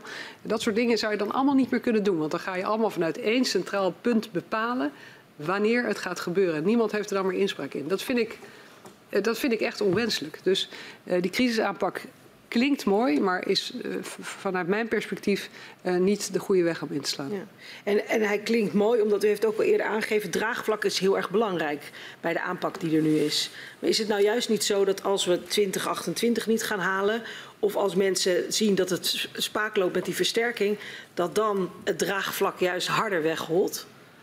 Nou ja, ik, ik ben ervan overtuigd dat mijn opvolger op dit dossier, dat die daar ook op stuurt. Uh, en dat als er tegenvallers zijn, dat er dan ook nagedacht wordt over hoe je dat kunt oplossen. En we hebben in de, in de planning zat ook, ja, hield je ook rekening met bijvoorbeeld die sloopnieuwbouw. En dat je met die woningbouwcorporaties afspraken maakt. En dat je dan op een gegeven moment gewoon in de grotere aantallen gaat komen. En ik, ik hoop natuurlijk dat, dat van, van kwartaal tot kwartaal, jaar op jaar dat daar zo goed op wordt gestuurd dat het wel uh, gehaald gaat worden. Uh, en dat er als, als er ergens een tegenslag is, dat je dan ook zorgt dat je het weer kunt gaan inhalen. Maar ik snap ook, er kunnen altijd omstandigheden zijn waardoor je het toch niet haalt. Maar je gaat op een gegeven moment wel zien hè, dat uh, de steeds meer mensen inderdaad krijgen wat hen was voorgespiegeld. Dus uh, dat er eerst een plan is, dat het dan in uitvoering gaat worden gebracht. Dat je dan ook zegt, nou we hebben ook een einddatum. Misschien verschuift die een paar maanden. Iedereen die thuis wat verbouwt weet ook wel, dat kan natuurlijk uh, gebeuren. Maar dat steeds meer mensen inderdaad een versterkt huis zullen, hebben. Dus u acht het ook nog steeds realistisch dat um, eind 2023 uh, alle bewoners duidelijkheid hebben gekregen of hun woning wel of niet versterkt moet worden. Want dat zit ook bij die doelstelling die uiteindelijk toewerkt naar 28. Ja, dat was onderdeel van, uh, ja. van, het, van het plan en van, van mijn voorstellen. Uh, ik heb niet, weet niet precies hoe dat, er nu, uh, hoe dat er nu voor staat. Volgens mij is het enige probleem waar in ieder geval de uitvoerder mee zit... is dat van, de, van de groep van mensen die al een versterkingsadvies heeft... een deel, ik dacht dat zo'n 60 procent, heeft gekozen voor een herbeoordeling.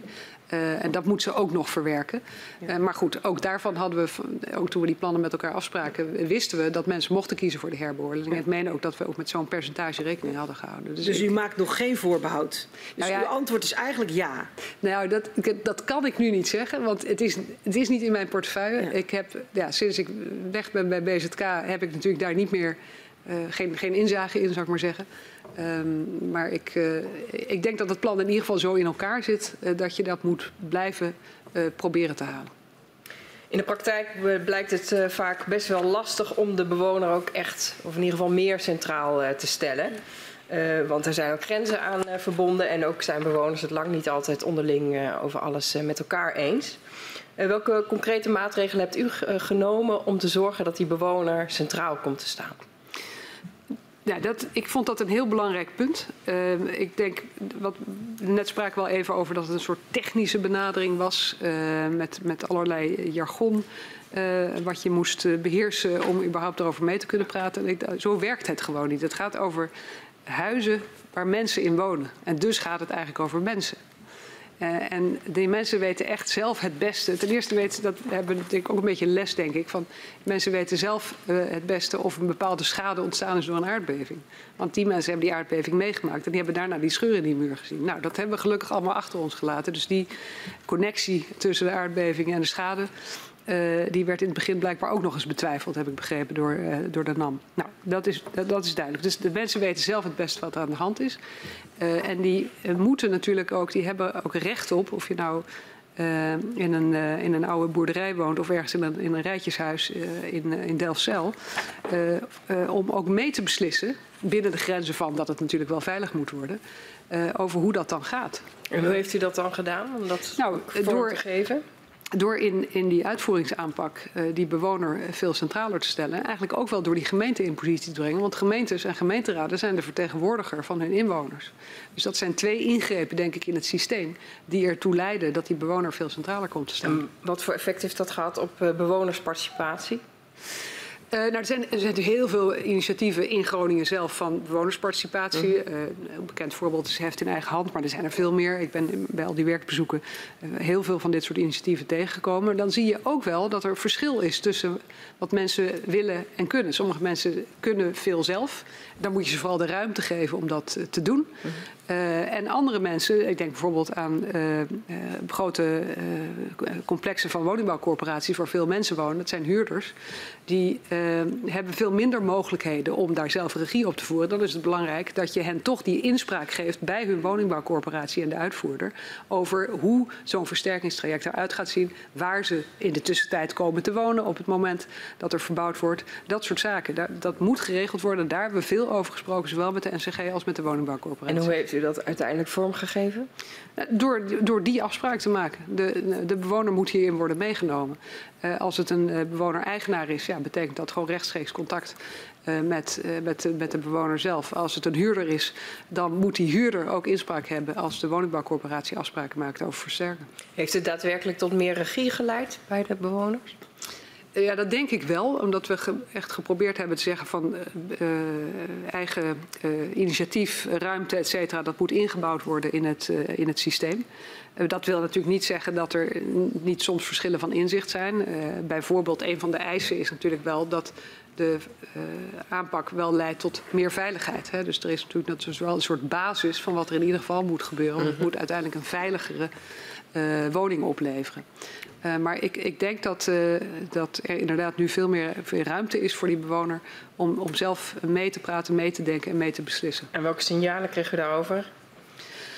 Van bewoners, Van zelf. bewoners zelf. Nou ja, dit is natuurlijk een beetje gevaarlijk om af te gaan op de werkbezoeken die ik heb gebracht. Maar ik heb, ik heb heel veel uh, gezien van heel uh, boze en ontevreden mensen. Tot en met mensen die vol trots hun nieuwe versterkte huis hebben laten zien.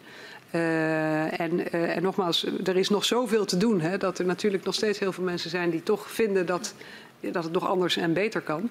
Uh, maar ik denk dat we wel nu zo hebben geregeld dat de bewoner altijd gehoord moet worden en geïnformeerd moet worden.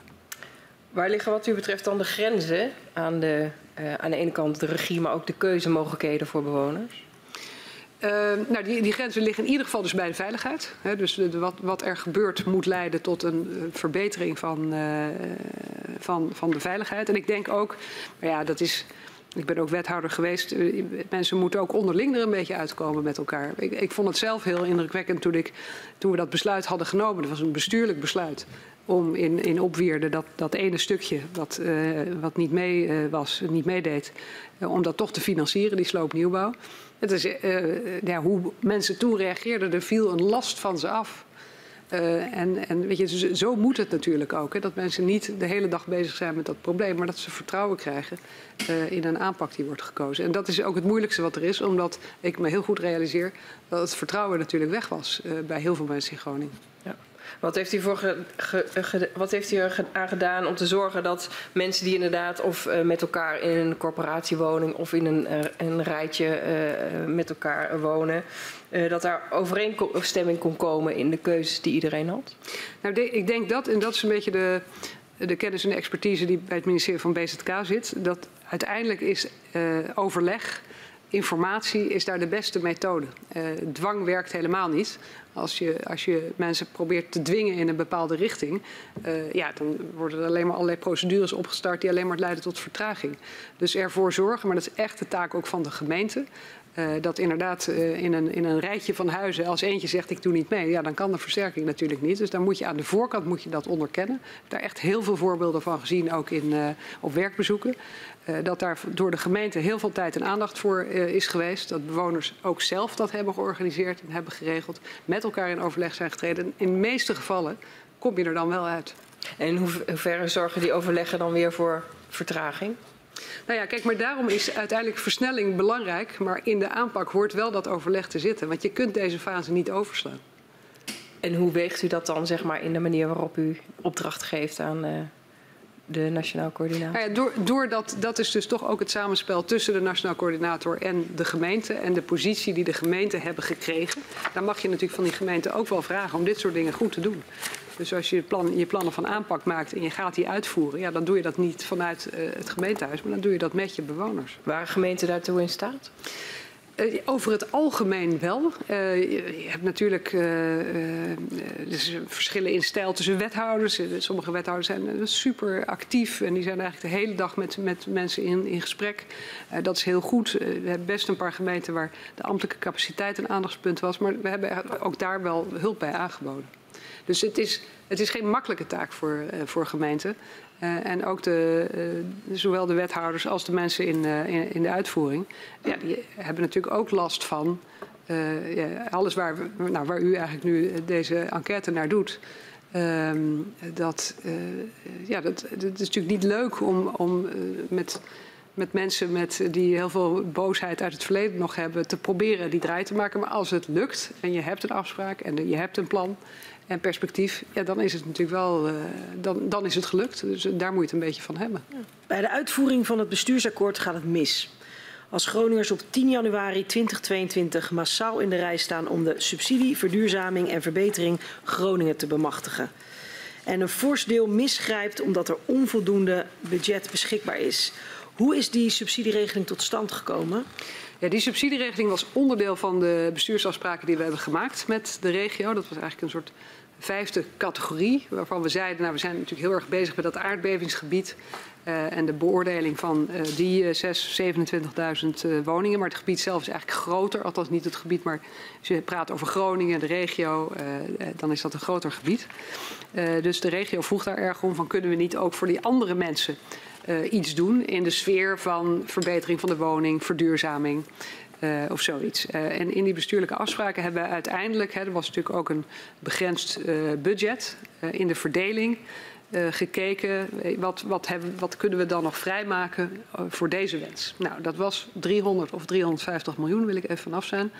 Waarvan we gezegd hebben, dan maken we een subsidieregeling voor iedereen die plannen heeft voor die woningverbetering. Wij wisten toen wel dat als echt ieder adres in dat gebied uh, die subsidie of aanspraak zou doen op die subsidie, dat het niet genoeg zou zijn. Maar tegelijkertijd vonden we wel, het moet wel een beetje een serieus bedrag zijn, waar je ook echt wat mee kunt. Uh, en toen hebben we in de eerste tranche, zoals dat heet, dus de eerste, eerste opening van die subsidieregeling, 75 miljoen uh, beschikbaar gesteld. mij is toen gezegd, nou, dat is ook eigenlijk wel normaal hè, dat je een beetje het in, in partjes opdeelt. Uh, en dan zullen we ook kijken uh, hoeveel belangstelling er eigenlijk voor is uh, en hoe we dat verder kunnen gaan inrichten. En ja, net, zo, net zoals bij andere subsidieregelingen, als dat dan leeg is, hè, dan, dan is die op en dan ga je op naar de volgende. Deze subsidieregeling was buitengewoon succesvol, zou je kunnen zeggen, want heel veel mensen deden er een beroep op. Veel meer dan we in, zeg maar, in die eerste aanvraagfase hadden verwacht. Maar hoeveel signalen kregen u dan al dat het ontoereikend zou zijn? Nou, niet, niet, heel veel in mijn beleving. Behalve dat we wel wisten, als iedereen er een beroep op zou doen, zou het niet kunnen. Maar, zo uh, begreep ik, mensen moesten echt een plan hebben, voor wat, voor een voorstel voor wat ze zouden gaan doen en hoe ze dat zouden gaan uitvoeren. Dus de veronderstelling bij degene die deze regeling maakte, was dat niet iedereen dat zou doen en dat ook niet iedereen dat tegelijk zou doen. Maar uh, beide veronderstellingen klopten niet. Maar u mensen... kreeg wel signalen, dus u zegt niet heel veel, maar ze waren er wel. Wie gaf die signalen? Nee, nee ik, ik heb die signalen eigenlijk niet gekregen. De adviezen waren: doe het zoals een normale subsidieregeling. Uh, het is ook een normale eis die gesteld werd aan de plannen die moesten worden ingediend. En de verwachting was juist hè, dat niet iedereen dat tegelijk op hetzelfde moment zou gaan doen. En dat dat ja, dat, dat, je dus eh, via die 75 en dan nog eens 75 en dan uh, misschien de rest, dat je dat een goede besteding zou kunnen geven. Maar het is gewoon in de praktijk heel anders gegaan. Want, ja. Maar ik kom wel tegen in, in een ambtelijke memo dat het als een reële optie werd gezien dat het een tekort zou zijn. Is er dan nog overwogen als dat een reële optie is? Nou, dan hebben we ook nog een plan B. We doen het eigenlijk zo. Maar mocht dat zijn, dan sturen we bij. Is dat dan nog overwogen? Ons plan B was volgens mij dat als er snel veel een beroep op zou worden gedaan, dat we dan meer van het beschikbare geld uh, naar voren zouden halen. En dat hebben we toen ook gedaan. Dus toen die 75 miljoen meteen was overtekend, heb ik uh, besloten dat we dan ook de rest van het uh, beschikbare bedrag gingen inzetten. Uh, en toen is later, en toen was ik inmiddels vertrokken, maar is mijn opvolger daarmee geconfronteerd, was ook dat ontoereikend. En toen heeft hij, was een van de eerste besluiten volgens mij van Hans Velbrief, uh, besloten om daar uh, nog geld op toe te leggen. Ja, want, want ronde 2 en 3 die worden dan samengevoegd.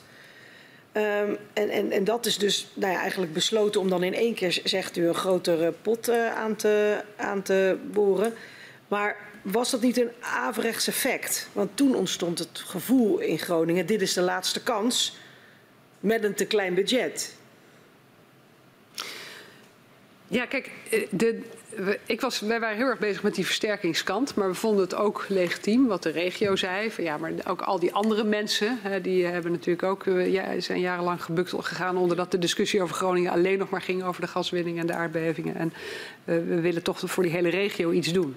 En we hebben bij die bestuursafspraken, we wisten hoeveel geld we beschikbaar hadden, hebben we ervoor gekozen om dit bedrag voor dit doel in te zetten.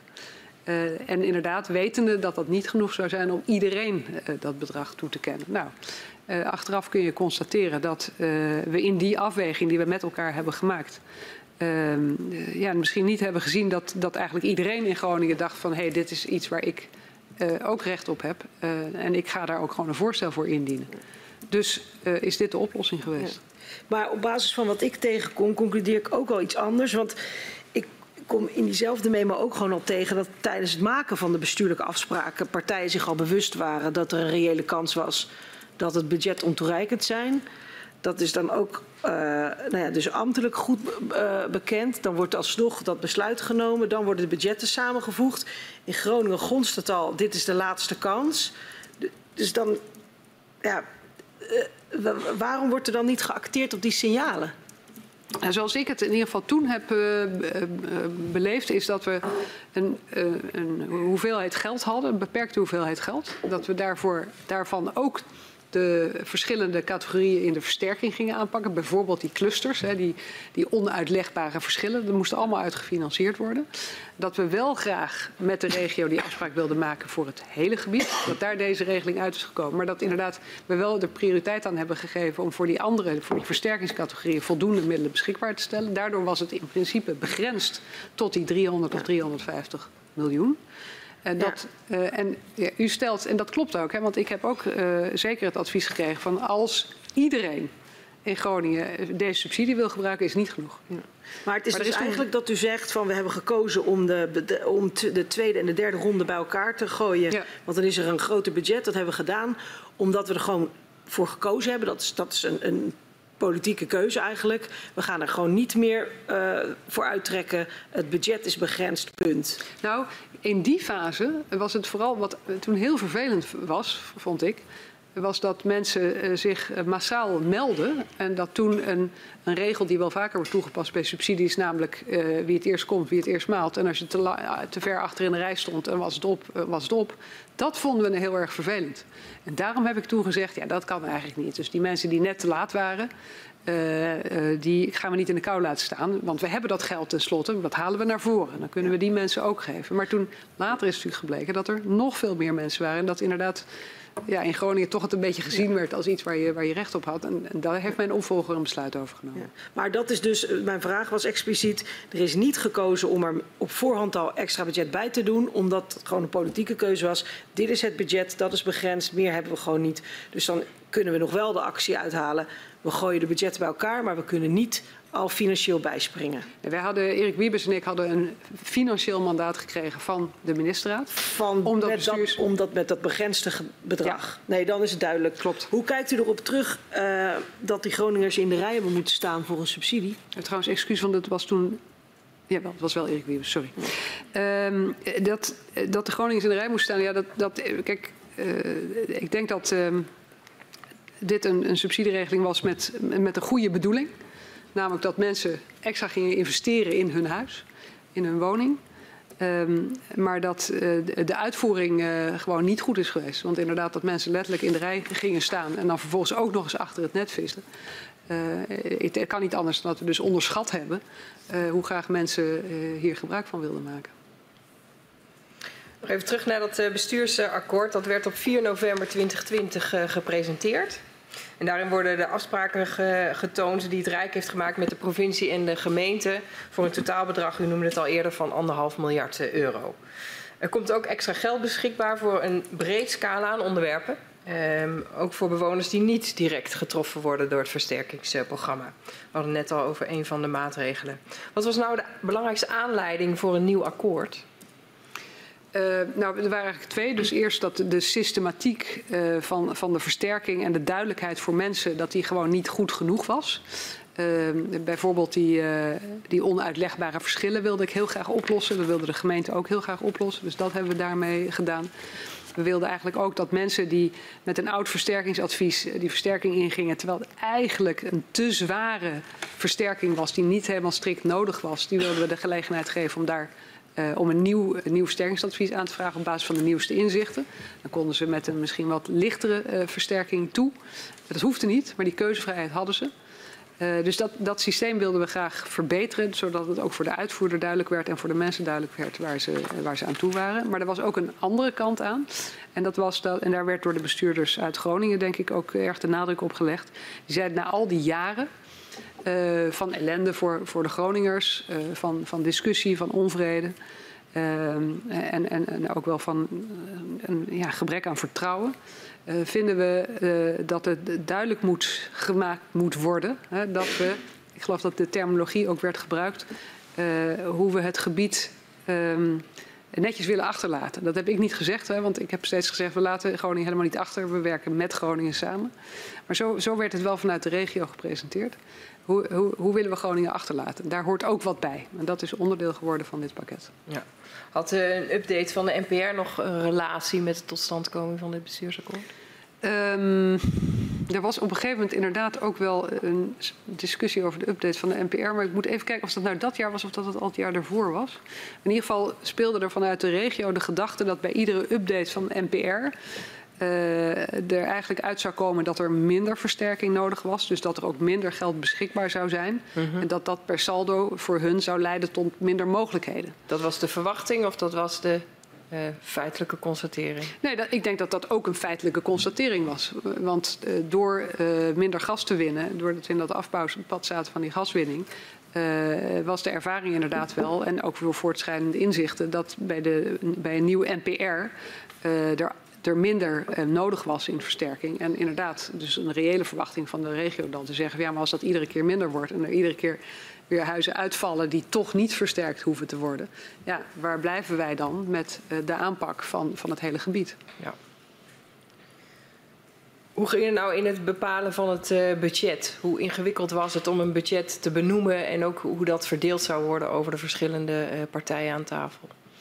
Ja, we hebben dat volgens mij in een, uh, in een paar stappen gedaan. We zijn voor de zomer uh, gestart, uh, natuurlijk Erik Wiebes en ik, en ook met het ministerie van Financiën.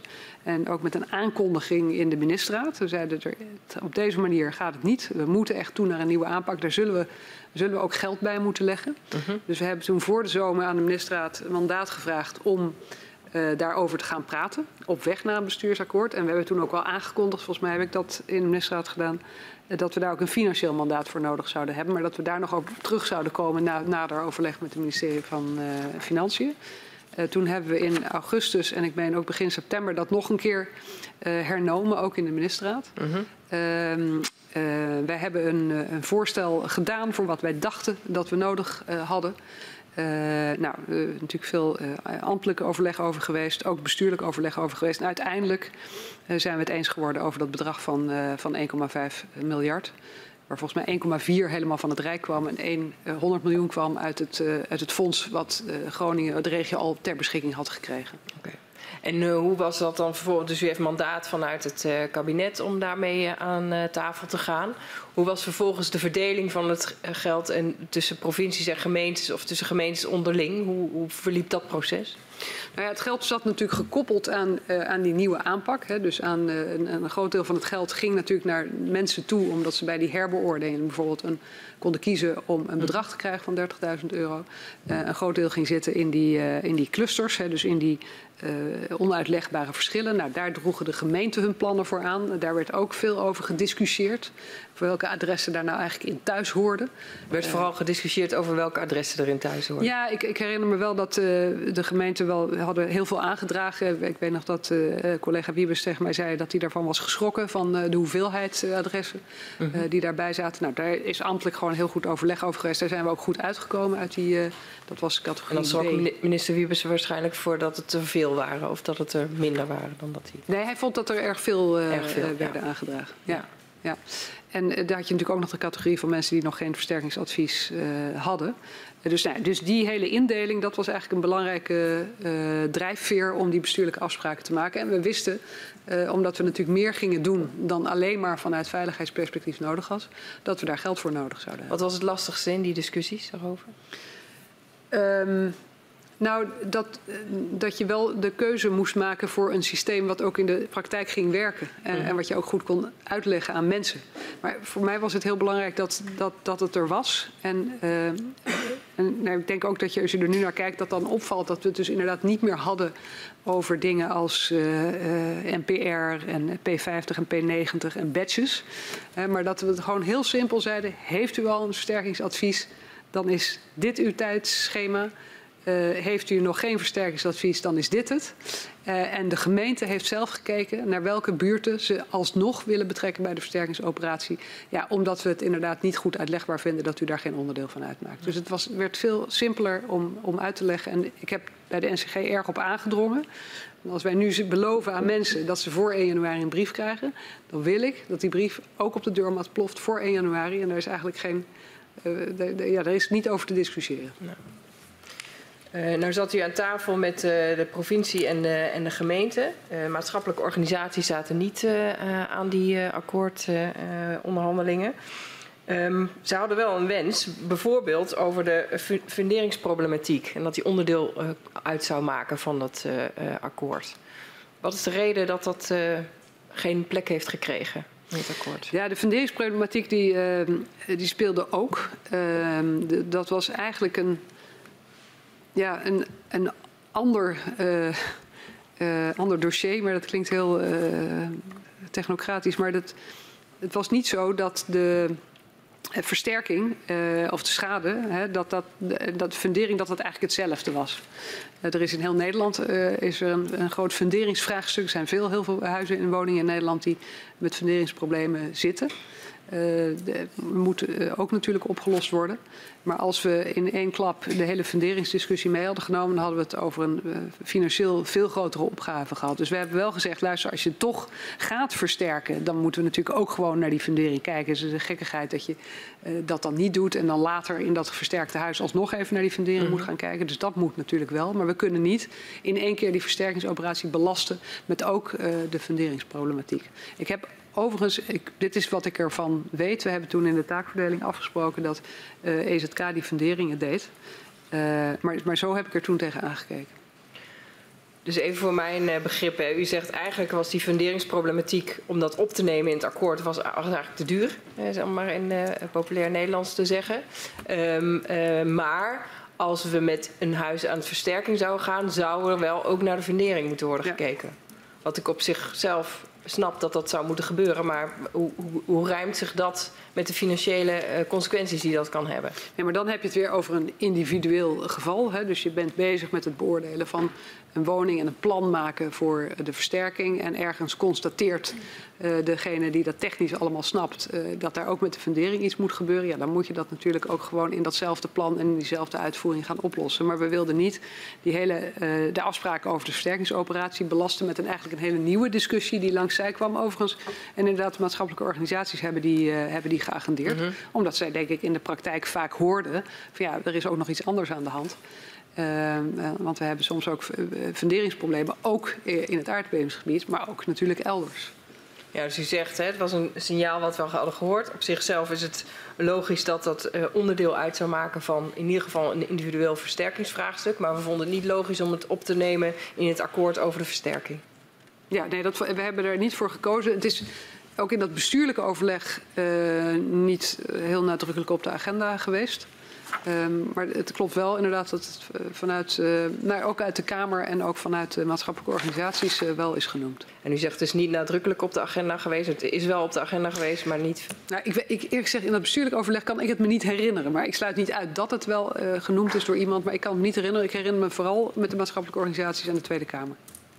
We willen ook met u stilstaan bij de rol van de Tweede Kamer.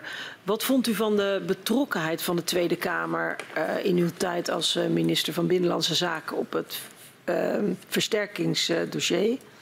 Nou, ik heb um, eigenlijk vanaf het moment dat we zo'n beetje aankondigden dat de versterking naar Binnenlandse Zaken zou gaan, uh, ben ik ook veel intensiever betrokken geweest bij de Kamerdebatten over Groningen. Dat was een regulier AO mijnbouw, waar ik. Uh, nou, van, ik denk inderdaad vanaf najaar 2019 uh, ook voor werd uitgenodigd en bij ben, ben aangeschoven. Um, dat was heel frequent. Dat was, iedere zes weken was er een AO. Dus best een, best een hoge frequentie, ook vergeleken met andere onderwerpen. ik had in mijn vorige functie sowieso heel erg veel Kamerdebatten. Maar deze frequentie was erg hoog, ook vergeleken met andere onderwerpen. Wat vond u daarvan? Nou, het is natuurlijk een beetje frustrerend als je iedere zes weken de Kamer informeert. Dan is er juist op zo'n groot traject als versterken... is er niet iedere zes weken heel veel voortgang te melden. Uh, uh, dus ja, dat, dat vond ik soms frustrerend. Wat is er dan frustrerend? Nou ja, omdat je dan natuurlijk in zo'n algemeen overleg zit... en, en, veel kritiek krijgt en vragen krijgt... Die lijken op de vragen die je zes weken daarvoor ook hebt geprobeerd te, te beantwoorden, waar je niet altijd resultaat in hebt. Maar aan de andere kant, en ik wil ook nog wel een positief voorbeeld noemen. Uh, op een gegeven moment heeft, ik denk dat het mevrouw Beckerman is geweest, maar in ieder geval is het eigenlijk door de hele commissie overgenomen. Die zei dat hartje van opwierden, of het hart van opwierden heet het. Sommigen noemen het ook het hartje van opwierden. Ze zei dat is de lakmoesproef. Als u dat niet lukt, dan hebben we helemaal geen vertrouwen in die hele versterkingsaanpak. Dat is ook wel goed. Ja, want het zo een beetje op scherp zetten vanuit uh, de Kamer. Uh, dat geeft je ook de kans als bewindspersoon om te laten zien dat je het inderdaad voor elkaar kunt krijgen. En ik, dat, dat hebben we uh, voor elkaar gekregen, hebben we over gerapporteerd aan, aan de Tweede Kamer. Uh, en zo maak je dus wel weer zichtbaar dat, dat het wel kan als je samen de schouders eronder zet. Maar u zegt dus eigenlijk, er zaten ook positieve kanten aan. Maar de hoge frequentie maakte, wij waren eigenlijk bezig met een soort lange termijnvisie en een lange termijnplan. En dat verhoudt zich niet goed tot elke zes weken kamerdebatten. Uh, omdat, ja, de, de, dan, dan is er niet steeds nieuws te vertellen over hoe het met de lange termijnvisie staat. Nee, maar je kan daar, je kan ja. er allerlei interpretaties aan geven. Je kunt ja. zeggen, het is zo'n belangrijk onderwerp. Het is goed voor de mensen in Groningen ja. dat ze zien dat de Tweede Kamer dat heel serieus neemt. En iedere zes weken die ministers naar de Kamer roept. Dus dat is, vind ik volkomen legitiem vanuit het perspectief van de Kamer. Uh, maar ik merkte wel, ook ambtelijk, uh, ik had een hele projectdirectie Groningen. Die was heel veel tijd kwijt met het ja. voorbereiden van Kamerdebatten en met het beantwoorden van Kamervragen. Ja, wat kunt u, dat, uh, ja, kunt u daar meer woorden aan wijden van wat dat in de praktijk betekent voor zo'n departement? En ook voor u, voor uw werk, want u heeft meer dossiers natuurlijk dan alleen Groningen. Ja. Ehm, eh, als die frequentie dus zo hoog is, wat betekent dat? Ja, nou ja, misschien voor, voor de bewindspersoon nog het minst. Ik bedoel, je gaat natuurlijk, eh, bent sowieso veel in de Tweede Kamer, dus dat, dat hoort, eh, hoort erbij. Maar ik denk dat het vooral, het geeft een zekere mate van onrust. Eh, die, en onrust helpt niet bij uitvoering. Dus als je, wij wilden heel graag proberen duidelijke kaders te hebben van dit is wat we aan het doen zijn. En dan wilden we de uitvoerder de gelegenheid geven om dat ook daadwerkelijk te doen. Maar veel Kamerdebatten en moties leiden natuurlijk toch weer tot ja, bepaalde bijstellingen, veranderingen in de aanpak. Er komen eh, goede ideeën, minder goede ideeën. Eh, en dat, dat creëert onrust. En dat betekent dus dat en op het departement, de projectdirectie Groningen, die wat mij betreft als hoofdtaak had om ervoor te zorgen eh, dat die NCG zijn werk kon doen, en dat er goed overleg was met de gemeente eh, daar. Eh, nou ja, al dat soort dingen, de, de, dat met die bouwsector afspraken werden gemaakt over planning en zo. Dat die voor een heel groot deel natuurlijk bezig waren met het voorbereiden van die debatten, met het beantwoorden van vragen van de Kamer, met het schrijven van brieven. Want voor iedere AO moest er natuurlijk ook wel een brief naar de Kamer worden gestuurd. Afstemming met EZK. Dus daar, daar gaat gewoon veel tijd in zitten. Ik wil er niks aan afdoen, want de Kamer bepaalt dat. Eh, maar feit is wel dat die, eh, laten we zeggen, combinatie van, van die druk die daarop stond. eh, met de prioriteit die we gaven aan versnelling van de versterking, dat dat soms echt wel schuurde. Ja, want, want we komen soms zoveel onrust tegen dat, d- dat eh, ambtenaren ook aangeven... nou ja, misschien kunnen we een beleidsregel maar beter even niet aanpassen... want anders wordt weer aan de hele versterkingsoperatie eh getornd. Kunt u ehm, uitleggen ehm, wat dus die frequentie van debatten, die onrust... die druk die dan op die uitvoering ehm, eh, ontstaat... wat dat doet met de versterking, hoe dat de versterking dan beïnvloedt? Nou ja, ik, ik denk dat dat de versterking ehm, in zoverre beïnvloedt dat een uitvoerder, die eigenlijk alleen maar aan het uitvoeren moet zijn, er nu ook steeds aan, met een schuin oog naar Den Haag gekeken om te kijken wat er nu weer op ze afkwam. Ehm, ik denk dat het voor het departement inderdaad ook betekende dat ze er op een gegeven moment ook rekening mee gingen houden. Dat dingen in de vertraging konden schieten door eh, Kamerbehandeling. Be- De beleidsregel die u noemt, normaal gesproken als een departement een beleidsregel opstelt, eh, dan hoeft die niet te worden voorgehangen bij de Kamer. Dat is niet de afspraak die we met elkaar hebben. Eh, nu vroeg de Kamer eh, om eh, voortaan beleidsregels wel voor te hangen bij de Kamer. En een voorhang bij de Kamer, dat is gewoon twee weken voorhangen. Maar dat is dus ook in die twee weken kan de Kamer natuurlijk besluiten om daar heel veel vragen over te stellen. Dat is allemaal eh, het goed recht van de Kamer. Eh, maar eh, ambtenaren gaan dan natuurlijk wel denken van ja, maar is dat nou wel wijs om dat te doen? Hè? En daar komt dan een advies over aan de minister. En die moet daar dan natuurlijk een besluit over nemen. Dus Ehm, eh, de, de, die, die, die tijd en energie die er vanuit het departement ging zitten in dat soort vraagstukken, die had wat mij betreft beter kunnen zitten in doen we de goede dingen voor de versterkingsoperatie. De versterkingsopgave en de manier waarop die wordt georganiseerd en ingericht, die verandert eh, best wel een aantal keren eh, sinds 2013. Ehm, wat is volgens u de invloed van die, eh, nou, ik noem het toch ook maar onrust, hè, van de veranderingen van organisatorische en bestuurlijke inrichting voor de versterkingsoperatie? Ik denk dat het, heeft, het heeft gewoon heel lang geduurd. Eh, en dat eh, komt misschien ook door de manier waarop het begonnen is. Hè. Dus de versterkingsoperatie, maar dat ze- dat zeggen wij nu allemaal terugkijkend. Hè. Die is op de een of andere manier was, werd het logisch gevonden dat de NAM die ging uitvoeren. Ja, de vraag is natuurlijk of dat logisch is. Want dat was de organisatie die vooral belang had bij, eh, bij, bij gaswinning. Ehm, eh, maar dat was wel zo. En daardoor moest het worden ontvlochten.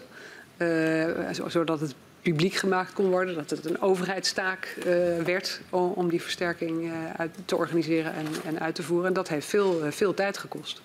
Want ook vanaf het moment dat mijn departement die verantwoordelijkheid overnam tot het moment waarop die NCG eigenlijk ook toegerust was voor de taak waar ze voor stonden. Dat heeft ook veel tijd gekost. En al die tijd liep natuurlijk de, de frustratie op bij de mensen in Groningen die wachten op een, versterking en, dus een veiliger huis. Uh, dus het heeft tij veel tijd gekost om daar te komen waar we uiteindelijk wel kwamen, namelijk met een uitvoeringsorganisatie met uh, budget en taken en een, en een plan. Mm -hmm. En, en nou, waar we het net eigenlijk over hadden. Dus ik, ik hoop nu uh, dat dat nu uh, op basis van die afspraken en natuurlijk met hier en daar een beetje bijsturing, maar dat dat wat, leidt tot wat meer rust uh, en aandacht voor de uitvoering. Ja. Er zijn natuurlijk veel verschillende belangen in die versterkingsoperatie en verschillende doelstellingen. snelheid, het moet zorgvuldig zijn, mensen willen graag dat ze gelijk behandeld worden, maatwerk, allemaal dat soort aspecten. Ehm, wat vindt u nou de belangrijkste in, in al die belangen?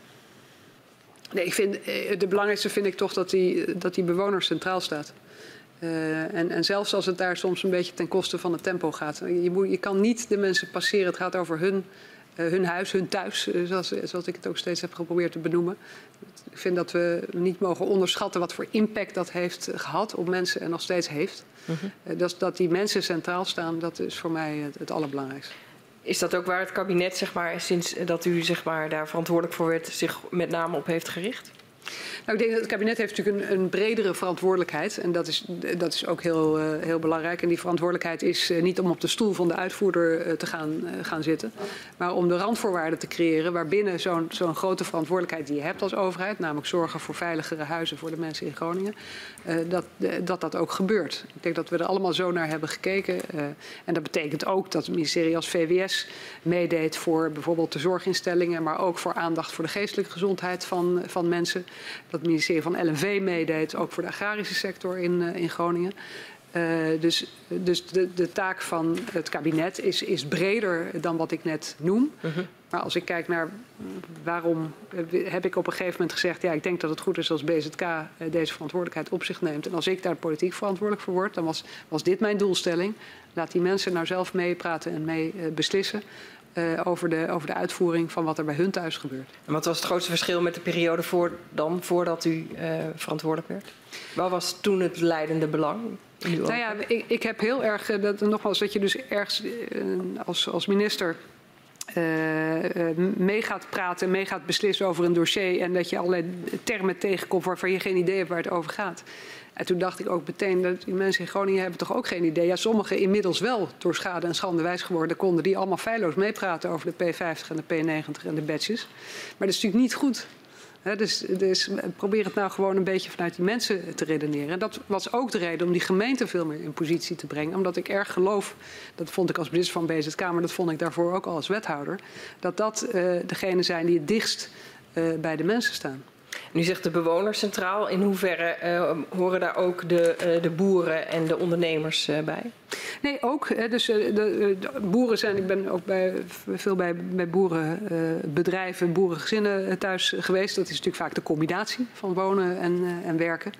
maar het ging zeker ook over, over ondernemers. Maar de grote versterkingsopgave ging natuurlijk over woningen van mensen. Dat ging over huurders en over eigenaren van woningen. In hoe, hoeverre vindt u dat de boeren en ondernemers voldoende plek hebben dan in de aanpak zoals die er lag toen u uh, het overdroeg? Um, ik heb de, de, de, de, de versterkingsaanpak die zag echt op die, uh, op die woningen. Dus van de huurders uh, en de, en de eigenaar-bewoners. er is natuurlijk ook versterkt bij, bij ondernemingen, bij zorginstellingen, bijvoorbeeld bij scholen. maar dat waren aparte trajecten. ik durf niet te zeggen specifiek voor ondernemers. en ik durf daar geen beoordeling aan te geven. Daar heb ik onvoldoende zicht op. Ja. U uh, vertelt veel hè, over de, de aanpak, uh, de plannen, de manier waarop het uh, bestuurlijk geregeld moet worden. U klinkt best optimistisch zeg maar, over de, de, de, de status van de versterkingsopgave en waar die uit kan komen. toch als je mensen uit Groningen be be beluistert, ook, ook hier in de enquêtezaal als ze verhoord worden. Bijvoorbeeld Jelle van der Knoop, die was voorzitter van de Groninger Bodembeweging. Um, waarbij mensen eigenlijk zeg maar, alle uh, hoop verloren zijn dat het nog goed uh, komt. Een heel ander beeld. Hoe, hoe, verklaart u zeg maar, dat verschil in, in beeld? Nou, omdat um, een deel van de mensen in Groningen, een deel van de mensen die ik heb gesproken, die bijvoorbeeld zich inzetten via een maatschappelijke organisatie, maar gewoon ook, ook mensen die, die gewoon met hun eigen woning bezig waren, die Wij zijn zo'n beetje. Dit vorige kabinet begon in, in 2017, 2018. Maar die mensen waren toen al vier, vijf jaar daarmee bezig, soms langer. Uh, dus dan, dan bouw je natuurlijk uh, frustratie op. De mensen hadden toen al het gevoel dat ze niet gehoord werden. En een deel van de mensen constateert vandaag de dag dat ze misschien wel iets beter weten waar ze aan toe zijn, maar dat het nog steeds niet is gebeurd. En dat is dus een hele lange tijd. Uh, als je al acht jaar uh, ergens mee bezig bent en dat dat je leven domineert, terwijl je dat natuurlijk niet wil. Je wilt je gewoon met je werk bezig zijn, met je gezin je kinderen zien opgroeien. maar noodgedwongen door die aardgaswinning en de effecten daarvan, ben je veel te veel tijd en energie kwijt met, met, ja, met, je, met, je, met je huis, met je veiligheid, met overheden, met instanties. en dus die frustratie die begrijp ik heel erg goed. Dus, dus, hoe verklaart u dan dat verschil? Het, verschil tussen? Tussen hoe, hoe, bewoners het ervaren, waar u inderdaad over vertelt, maar, en, en hoe het er nu ja. wat u betreft voor ligt. Nee, sorry, ja, dat was uw vraag. Nou, doordat dat je in zekere zin kan ik zeggen, nou, ik denk in ieder geval dat we in de goede richting zijn gaan werken, dat we iets hebben, we hebben gebouwd, een, een systeem, een structuur uh, die, uh, die helderheid biedt uh, en die ook wel perspectief biedt. Maar dat natuurlijk dat voor een eh, individu in Groningen of een gezin uh, of een MKB'er zoals u net noemt of een boer uh, natuurlijk een heel ander perspectief kan zijn. Want die kan zeggen, ja, ik kan het allemaal wel goed hebben ingeregeld in de uitvoering. Maar zolang ik er nog niks van merk of zolang ik uh, nog niet in een versterkt huis woon, ja, wat heb ik daar dan eigenlijk aan? Dus dat, dat is denk ik de verklaring van het verschil. Mevrouw van der Graaf heeft nog een paar vragen. Ja, uh, ik kom even terug op, op uh, twee onderwerpen. Het eerste is de subsidieregeling waarvoor de Groningers in de rij hebben gestaan. Um, want die eerste ronde die was uh, in de zomer van 2021 al opengesteld en die ronde was binnen vijf dagen al overtekend. Um, we zien dat in de zomer en het najaar ook meerdere malen ook, ook, vanuit de Kamer aandacht wordt gevraagd dat er extra budget nodig is omdat het budget niet toereikend is. Wat heeft u in die tijd ja, heeft u nog overwogen om het budget op te hogen? En als dat zo is, um, welke opties uh, zag u daarvoor? Ja, nee, ik denk dat u het helemaal uh, aan het juiste eind heeft. Uh, nu u het zegt, herinner ik me inderdaad ook dat de Kamer daar ook aandacht voor heeft, heeft gevraagd. ik heb in die periode uh, volgens mij in antwoord op Kamervragen ook gezegd van nou ja, ik, uh, ik, ik hoor uh, dit signaal. Ik heb in die periode niet overwogen om het hele totaalbudget te verhogen, want we hadden natuurlijk maar een deel van het budget beschikbaar gesteld. en dus pas naderhand, hè, toen die mensen letterlijk in de rij stonden en, en het luik dicht ging voor hun neus, toen hebben we gezegd, nou dan gaan we het, het resterende budget nu wel beschikbaar stellen. En dan gaan we ook kijken naar de wijze waarop deze subsidieregeling is ingeregeld. Ja, en, en uh, want door het, uh, nou ja, het schrappen van die derde ronde of het samenvoegen van twee rondes ontstond er dus feitelijk een laatste kans uh, voor mensen om te gaan. Dus ontstond er ook een, run. Um, heeft u overwogen om op een later moment het budget te verhogen? of dat in de kabinetsformatie ingebracht? Uh, nou ja, het was bekend, hè, bij, ik bedoel niet alleen bij mijn departement, maar uh, ook bij EZK Financiën, uh, dat dit probleem speelde. Um, uiteindelijk ben ik daar niet meer aan toegekomen. Het is, voor zover ik, ik weet niet, heeft het niet op tafel gelegen bij de kabinetsformatie. maar ik ben er ook niet meer aan toegekomen. U heeft wel gezien dat mijn opvolger wel heel snel voor dit vraagstuk stond. En toen ook de conclusie heeft getrokken dat hij daar wel extra middelen voor moest gaan inzetten. En dat heeft hij ook gedaan. Ja, dat, dat hebben we gezien. Maar mijn, mijn vraag was hem gericht op, eh, omdat in, in het najaar ook al nou ja, meerdere malen aan de orde was geweest dat het budget ontoereikend uh, zou zijn. Of u had overwogen of dat heeft gedaan om het bij de kabinetsformatie nog uh, ter tafel te leggen dat het budget verhoogd zou moeten worden. Maar ik begrijp uit uw antwoord dat dat niet het geval is. Nee, dat klopt. Ik heb dat niet bij de kabinetsformatie op tafel gelegd. Okay. Nee. Dan ehm, ga ik terug naar maart 2018 als het nulbesluit uh, wordt genomen. Um, dan zien we dat uh, in een notitie van Algemene Zaken aan de minister-president met een terugkoppeling van de bespreking in de onderraad die twee dagen daarvoor heeft plaatsgevonden. dat de minister van Economische Zaken denkt veel draagvlak te hebben in de regio als de versterkingsoperatie wordt afgeschaald. hoe dacht u daarover? Nou, eh, in die fase, dus op weg naar uh, dat gaswinningsbesluit, heb ik juist aandacht gevraagd voor dat punt dat daar wel, wel eens uh, dat het iets, een iets te optimistische inschatting zou kunnen zijn. Dus, maar dit is een notitie, begrijp ik, van AZ aan de MP. Ja, met, een, met de positie van, van de, de minister van EZK. Ja. Ja. ja. Nou, het, in zoverre herken ik het dat de minister van EZK er wel van uitging dat minder gaswinning uh, inderdaad zou leiden tot een minder grote versterkingsoperatie. Ja, maar uh, de minister geeft uh, dan aan uh, dat hij denkt veel draagvlak te hebben in de regio als de versterkingsoperatie wordt afgeschaald. Ja, dat kan ik niet helemaal verklaren, omdat ik denk dat in ieder geval toen al uh, ik wel heb, daarop heb gewezen. En dat ook in april later dus gebleken is uh, dat met de regio uh, dat juist leidde tot grote, grote ongenoegen en eigenlijk ook tot problemen. Ja, en dat, dat, dat, dat, dat, wist u nog niet, of had u niet vermoed op dat moment tijdens de voorbereiding van die besluitvorming. U ja, had natuurlijk veel contact met de gemeenten, met woningcorporaties. Nou ja, dit was natuurlijk helemaal het begin van de kabinetsperiode.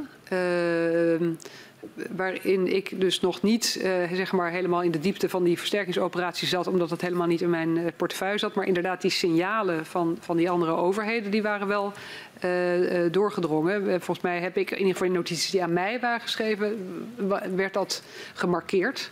en werd er ook gezegd dat er zorgen waren bij, bij de, in de regio.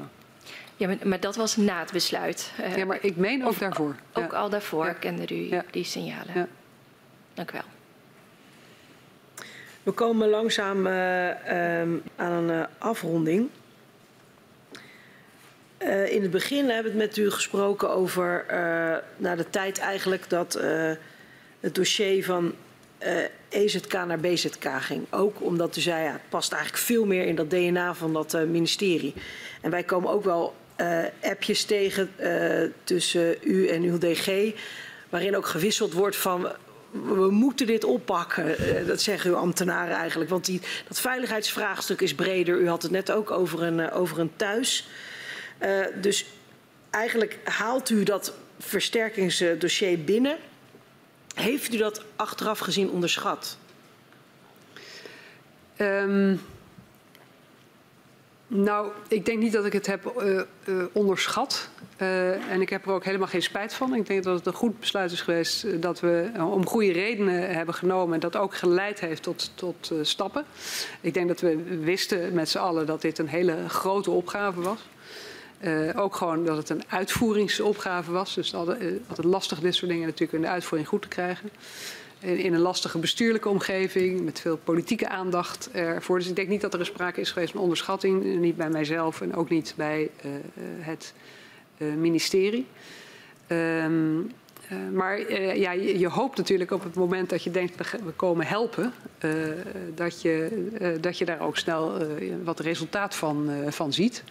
En we hebben natuurlijk wel heel veel tijd moeten investeren in, in bestuurlijk overleg. Naar die ontvlechting, wat ik net noemde, om de SCG op te tuigen met die CVW. Dus er zijn allerlei ja, vraagstukken die, die, die je moet oplossen. Maar dat heeft denk ik niet te maken met een onderschatting. Ik was heel gemotiveerd toen om, om dit op te tuigen, om te proberen dit te versnellen, om te proberen die doelen te realiseren, die bewoners meer in beeld te hebben, in positie te hebben. Nou, dat is eh, dat is denk ik wel gelukt. En ik wist altijd al dat het, een, dat het tijd zou kosten. En dat is een beetje de vraag die u ook net stelt. 2028, dat, is, dat is het plan. En dat is voor mensen natuurlijk gewoon ver weg. En heeft u die verwachting en die ambitie die eigenlijk uit die appjes blijkt, heeft u die waar kunnen maken? Ja, dat hoop ik. Het is misschien niet aan mij om daarover te oordelen. Maar we hebben in ieder geval vanaf het moment dat we dit gingen doen uh, met, met veel overgave gedaan. Er, is een, er zijn heel veel goede mensen bij BZK hebben hier eh, opgezeten. Toen het nieuwe kabinet aantrad, werd er een, een andere keuze gemaakt. Er is gezegd, we brengen het in één hand. Uh, maar uh, daar zie ik ook wel weer de voordelen van. En, en, alles wat wij bij BZK zeg maar, hadden gebouwd, dat is gewoon beschikbaar gesteld aan, aan Hans Veilbrief, aan mijn opvolger. Uh, dus het heeft eigenlijk aan de aanpak verder niks veranderd. Dus ja, ik, ik hoop dat we nou, over na 2028 kunnen concluderen dat het een goede ingreep is geweest. U zei op een gegeven moment dat minister-president Rutte zei: dit gaat ons allemaal aan in het kabinet. We moeten hier allemaal onze verantwoordelijkheid uh, uh, voor nemen. En we moeten dit breed bespreken en we moeten dus breed die verantwoordelijkheid dragen. Op dit moment ligt het dossier bij staatssecretaris Velbrief.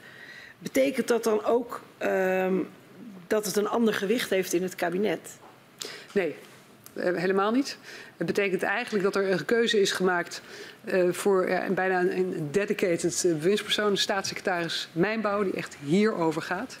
En natuurlijk meer, hè, maar bedoel, uh, dit, dit, hele dossier schade versterken ligt bij één persoon die daar eigenlijk meer aandacht aan kan geven dan, dan ik dat kon. Ik had een hele brede portefeuille met ook nog heel veel andere verantwoordelijkheden.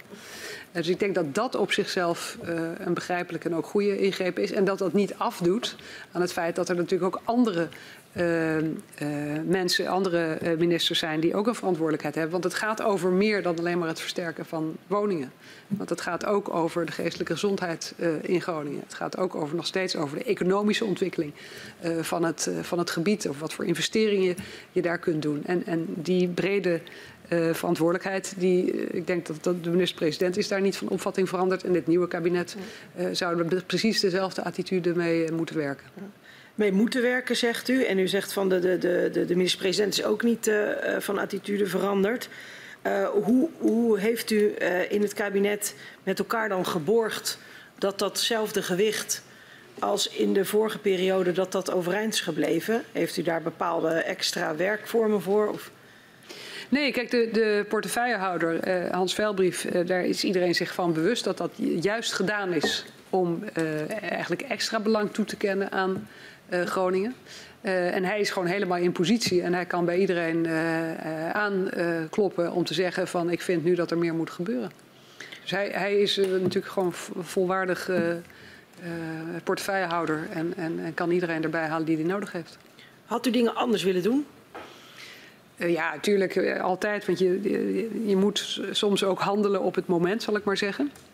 Um, er zijn ja, dus dat, dat die wetgeving nog niet rond is, is een beetje, vind ik, jammer. Uh, ook een beetje pech met uh, bepaalde dingen die gebeurd zijn. Dus dat, dat, had ik graag sneller gezien. Dat die wet er gewoon, uh, gewoon was. de subsidieregeling die mis is gegaan. natuurlijk, als ik dat had geweten, had ik dat anders gedaan, absoluut. Ehm, maar de kern van de zaak denk ik toch nou, dat, we, dat we stappen hebben kunnen zetten. Ik wil toch nog één vraag stellen, omdat u uh, net nog iets zei wat mij toch een beetje triggerde. Als we terugkijken, uh, dan zien we dat in die fase van de transitie uh, een beleidsorganisatie nog niet zomaar een uitvoeringsorganisatie is. Dat de uitvoeringsorganisatie die bestond, het Centrum Veilig Wonen, dat gecontracteerd was door de NAM, plotseling bleek niet, kwalitatief niet goed werk te hebben opgeleverd gebrekkige prestaties in versterkte huizen, maar ook in dossiers. We zien, en die heeft u zelf beschreven, op best wel veel terreinen nog discussies tussen de beide opdrachtgevers van de operatie. En toch vindt u het moeilijk om te zeggen dat de operatie is onderschat. Terwijl ook de resultaten nog echt wel lang op zich laten wachten. Waarom vindt u dat moeilijk? Nou ja, omdat uh, de vraag was inderdaad, heeft u het onderschat? Dat suggereert dat we niet aan, aan, de voorkant al wisten dat het over een grote opgave ging. Dat het over veel uh, woningen ging uh, en, en, over een ingewikkelde uitvoeringsopdracht. Nou, dat wist ik. Dat was bekend. Dus ik vind onderschatting niet het goede woord. Maar de praktijk. welke kwalificatie geeft u dan achteraf aan? Um, en dat, dat, het weerbarstig is om die uitvoering goed te krijgen in zo'n complexe omgeving met zoveel uh, belangen, uh, druk, uh, opvattingen. dat, er dus, dat, er, dat daar zoveel tijd en energie in ging zitten. Dat er onvoldoende focus was op eigenlijk alleen maar uitvoering, bewoners centraal, versneld zorgen dat de witte busjes gingen rijden en dat er gewoon gebouwd werd. Is het dan de onderschatting van de weerbarstigheid? Um, nou ja, misschien dat, dat zou kunnen. Een onderschatting van de, van de weerbarstigheid. Dat er heel veel mensen aan het stuur uh, zitten, ook op zo'n moment. Um, ik denk dat de, de reden voor, voor mij en om, ook het ministerie van BZK een beetje in positie te brengen, was echt uh, om te proberen te helpen. Om te proberen de expertise die er zat bij het departement te gebruiken. Om die mede-overheden veel meer serieus te nemen. Om te luisteren naar mensen. Ik denk dat dat op zichzelf, dat is nu denk ik algemeen aanvaard. Dat je dat moet doen. En desalniettemin uh, zie je natuurlijk uh, dat, er, uh, dat er ook dingen zijn die, die, die niet zo lopen als je, als je het graag zou willen. Goed. We zijn uitgevraagd als commissie. Dank voor uw medewerking. Ik verzoek de griffier om u en uw steunverlener naar buiten te geleiden. Dank u wel.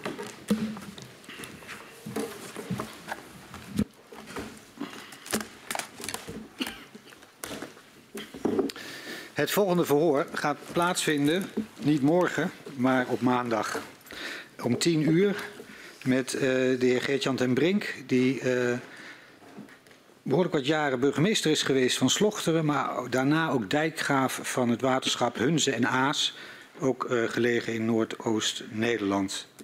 Ik sluit de vergadering.